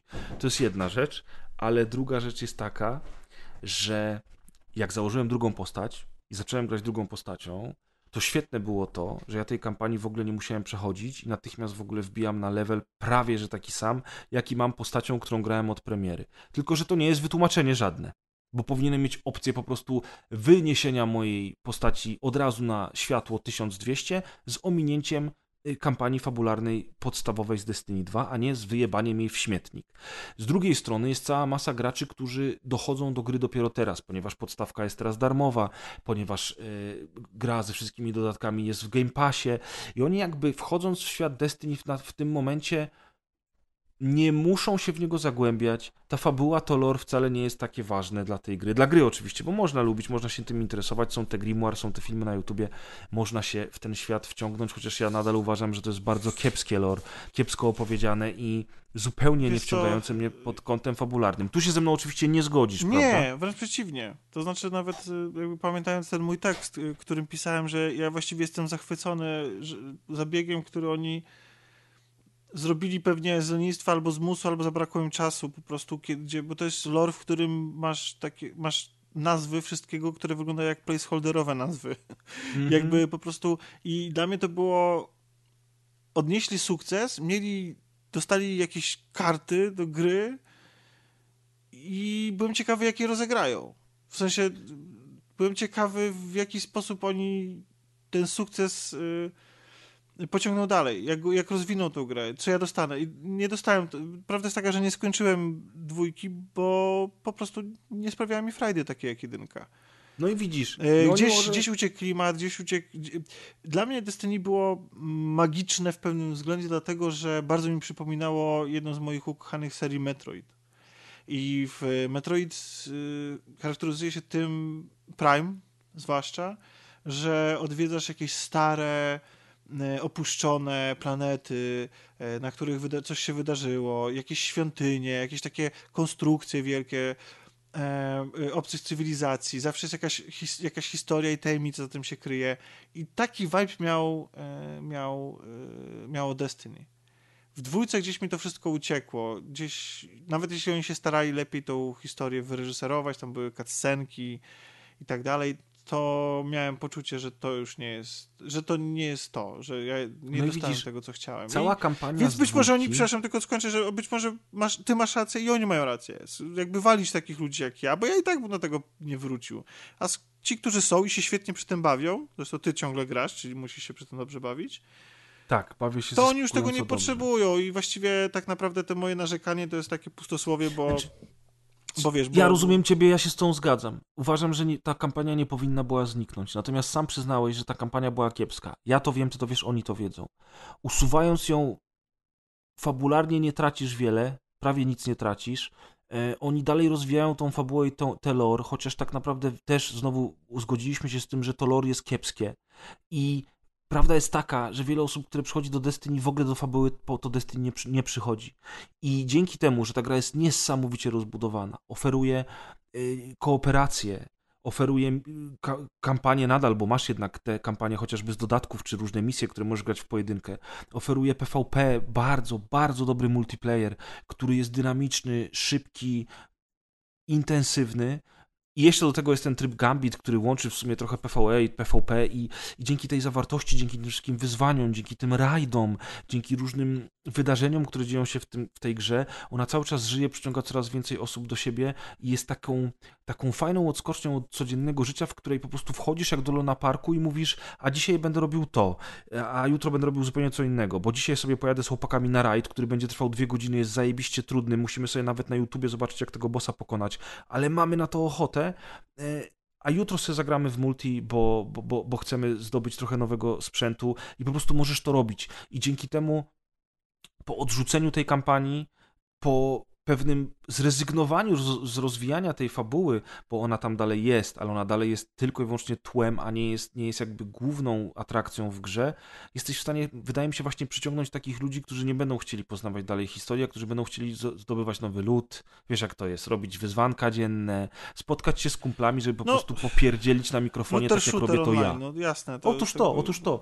Więc jakby no, szkoda, że oni zdecydowali się na coś takiego tak późno kiedy już mieli tą fabułę, kiedy mieli tą kampanię, kiedy mieli to całe lore i oni nagle dochodzą do wniosku, wiecie co, wypierdolmy to wszystko w pizdu i skupmy się na tym, co robimy dobrze, a to, co oni robią dobrze cały czas, to są levele, które oni robią i walka, yy, no to strzelanko gameplay, to jest... To, to, jest po prostu mm, mistrzostwo świata, kurde, nie? Po prostu to jest to jest, to jest taka, no, to, to jest moim zdaniem to jest jeśli nie najlepsze strzelanie na tej, na tej generacji konsol, w sensie tej PS4, y, Xbox One, to jest, jest w tym coś niesamowicie magicznego. Chociaż akurat Destiny tak. to jeszcze wyszło na poprzednią, ale jedynka, ale jest w tym coś, jest w tym ym, to jest takie uzależniające. To jest tak, takie strzały strzelasz, a w rzeczywistości strzelasz sobie dopaminą po prostu. Tak, Z każdym kolejnym jest, headshotem jest, jest, jest dobre. A jak zagłębisz się w to wszystko, e, to późniejsze wszystkie rzeczy, które są poza kampanią, są dużo bardziej emocjonujące, dużo ciekawsze, dużo bardziej wciągające.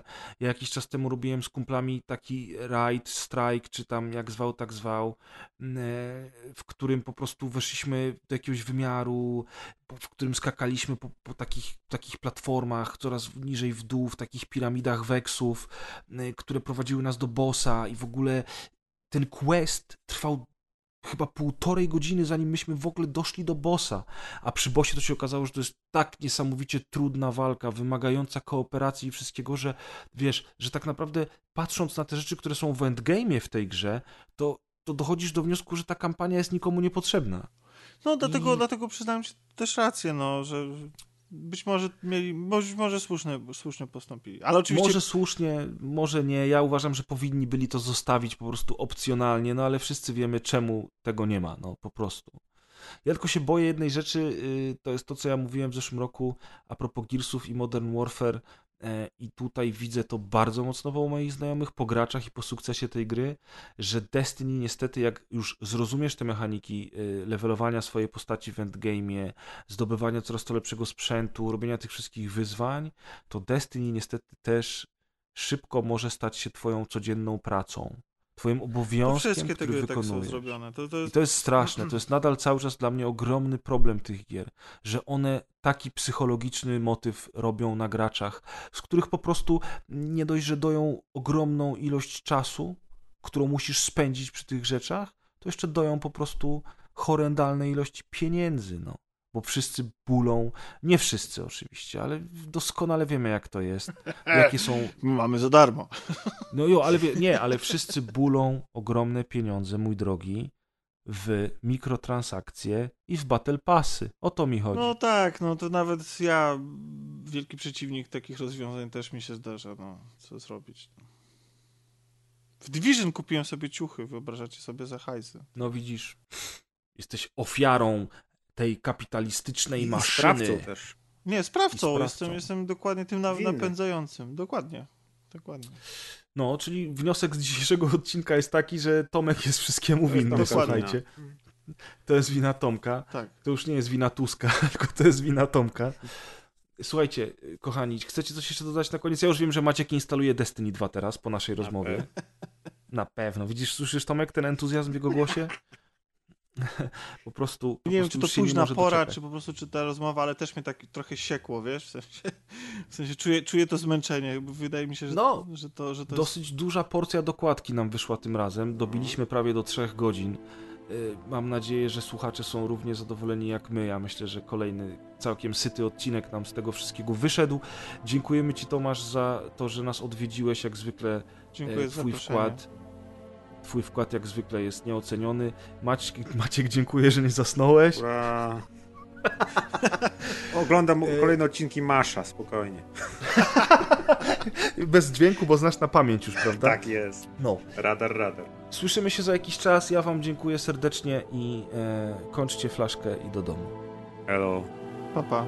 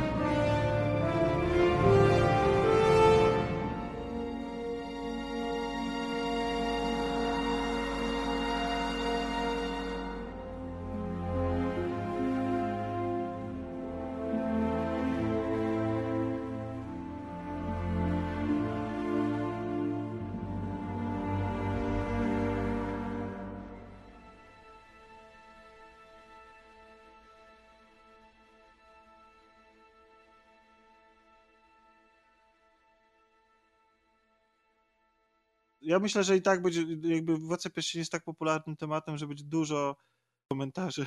On był popularnym tematem 20 lat temu, misiaczku, nie? Teraz Jak to- ci, którzy teraz nas słuchają, jeszcze ich nie było. No albo, właśnie, dokładnie. Więc, wiesz. Tak,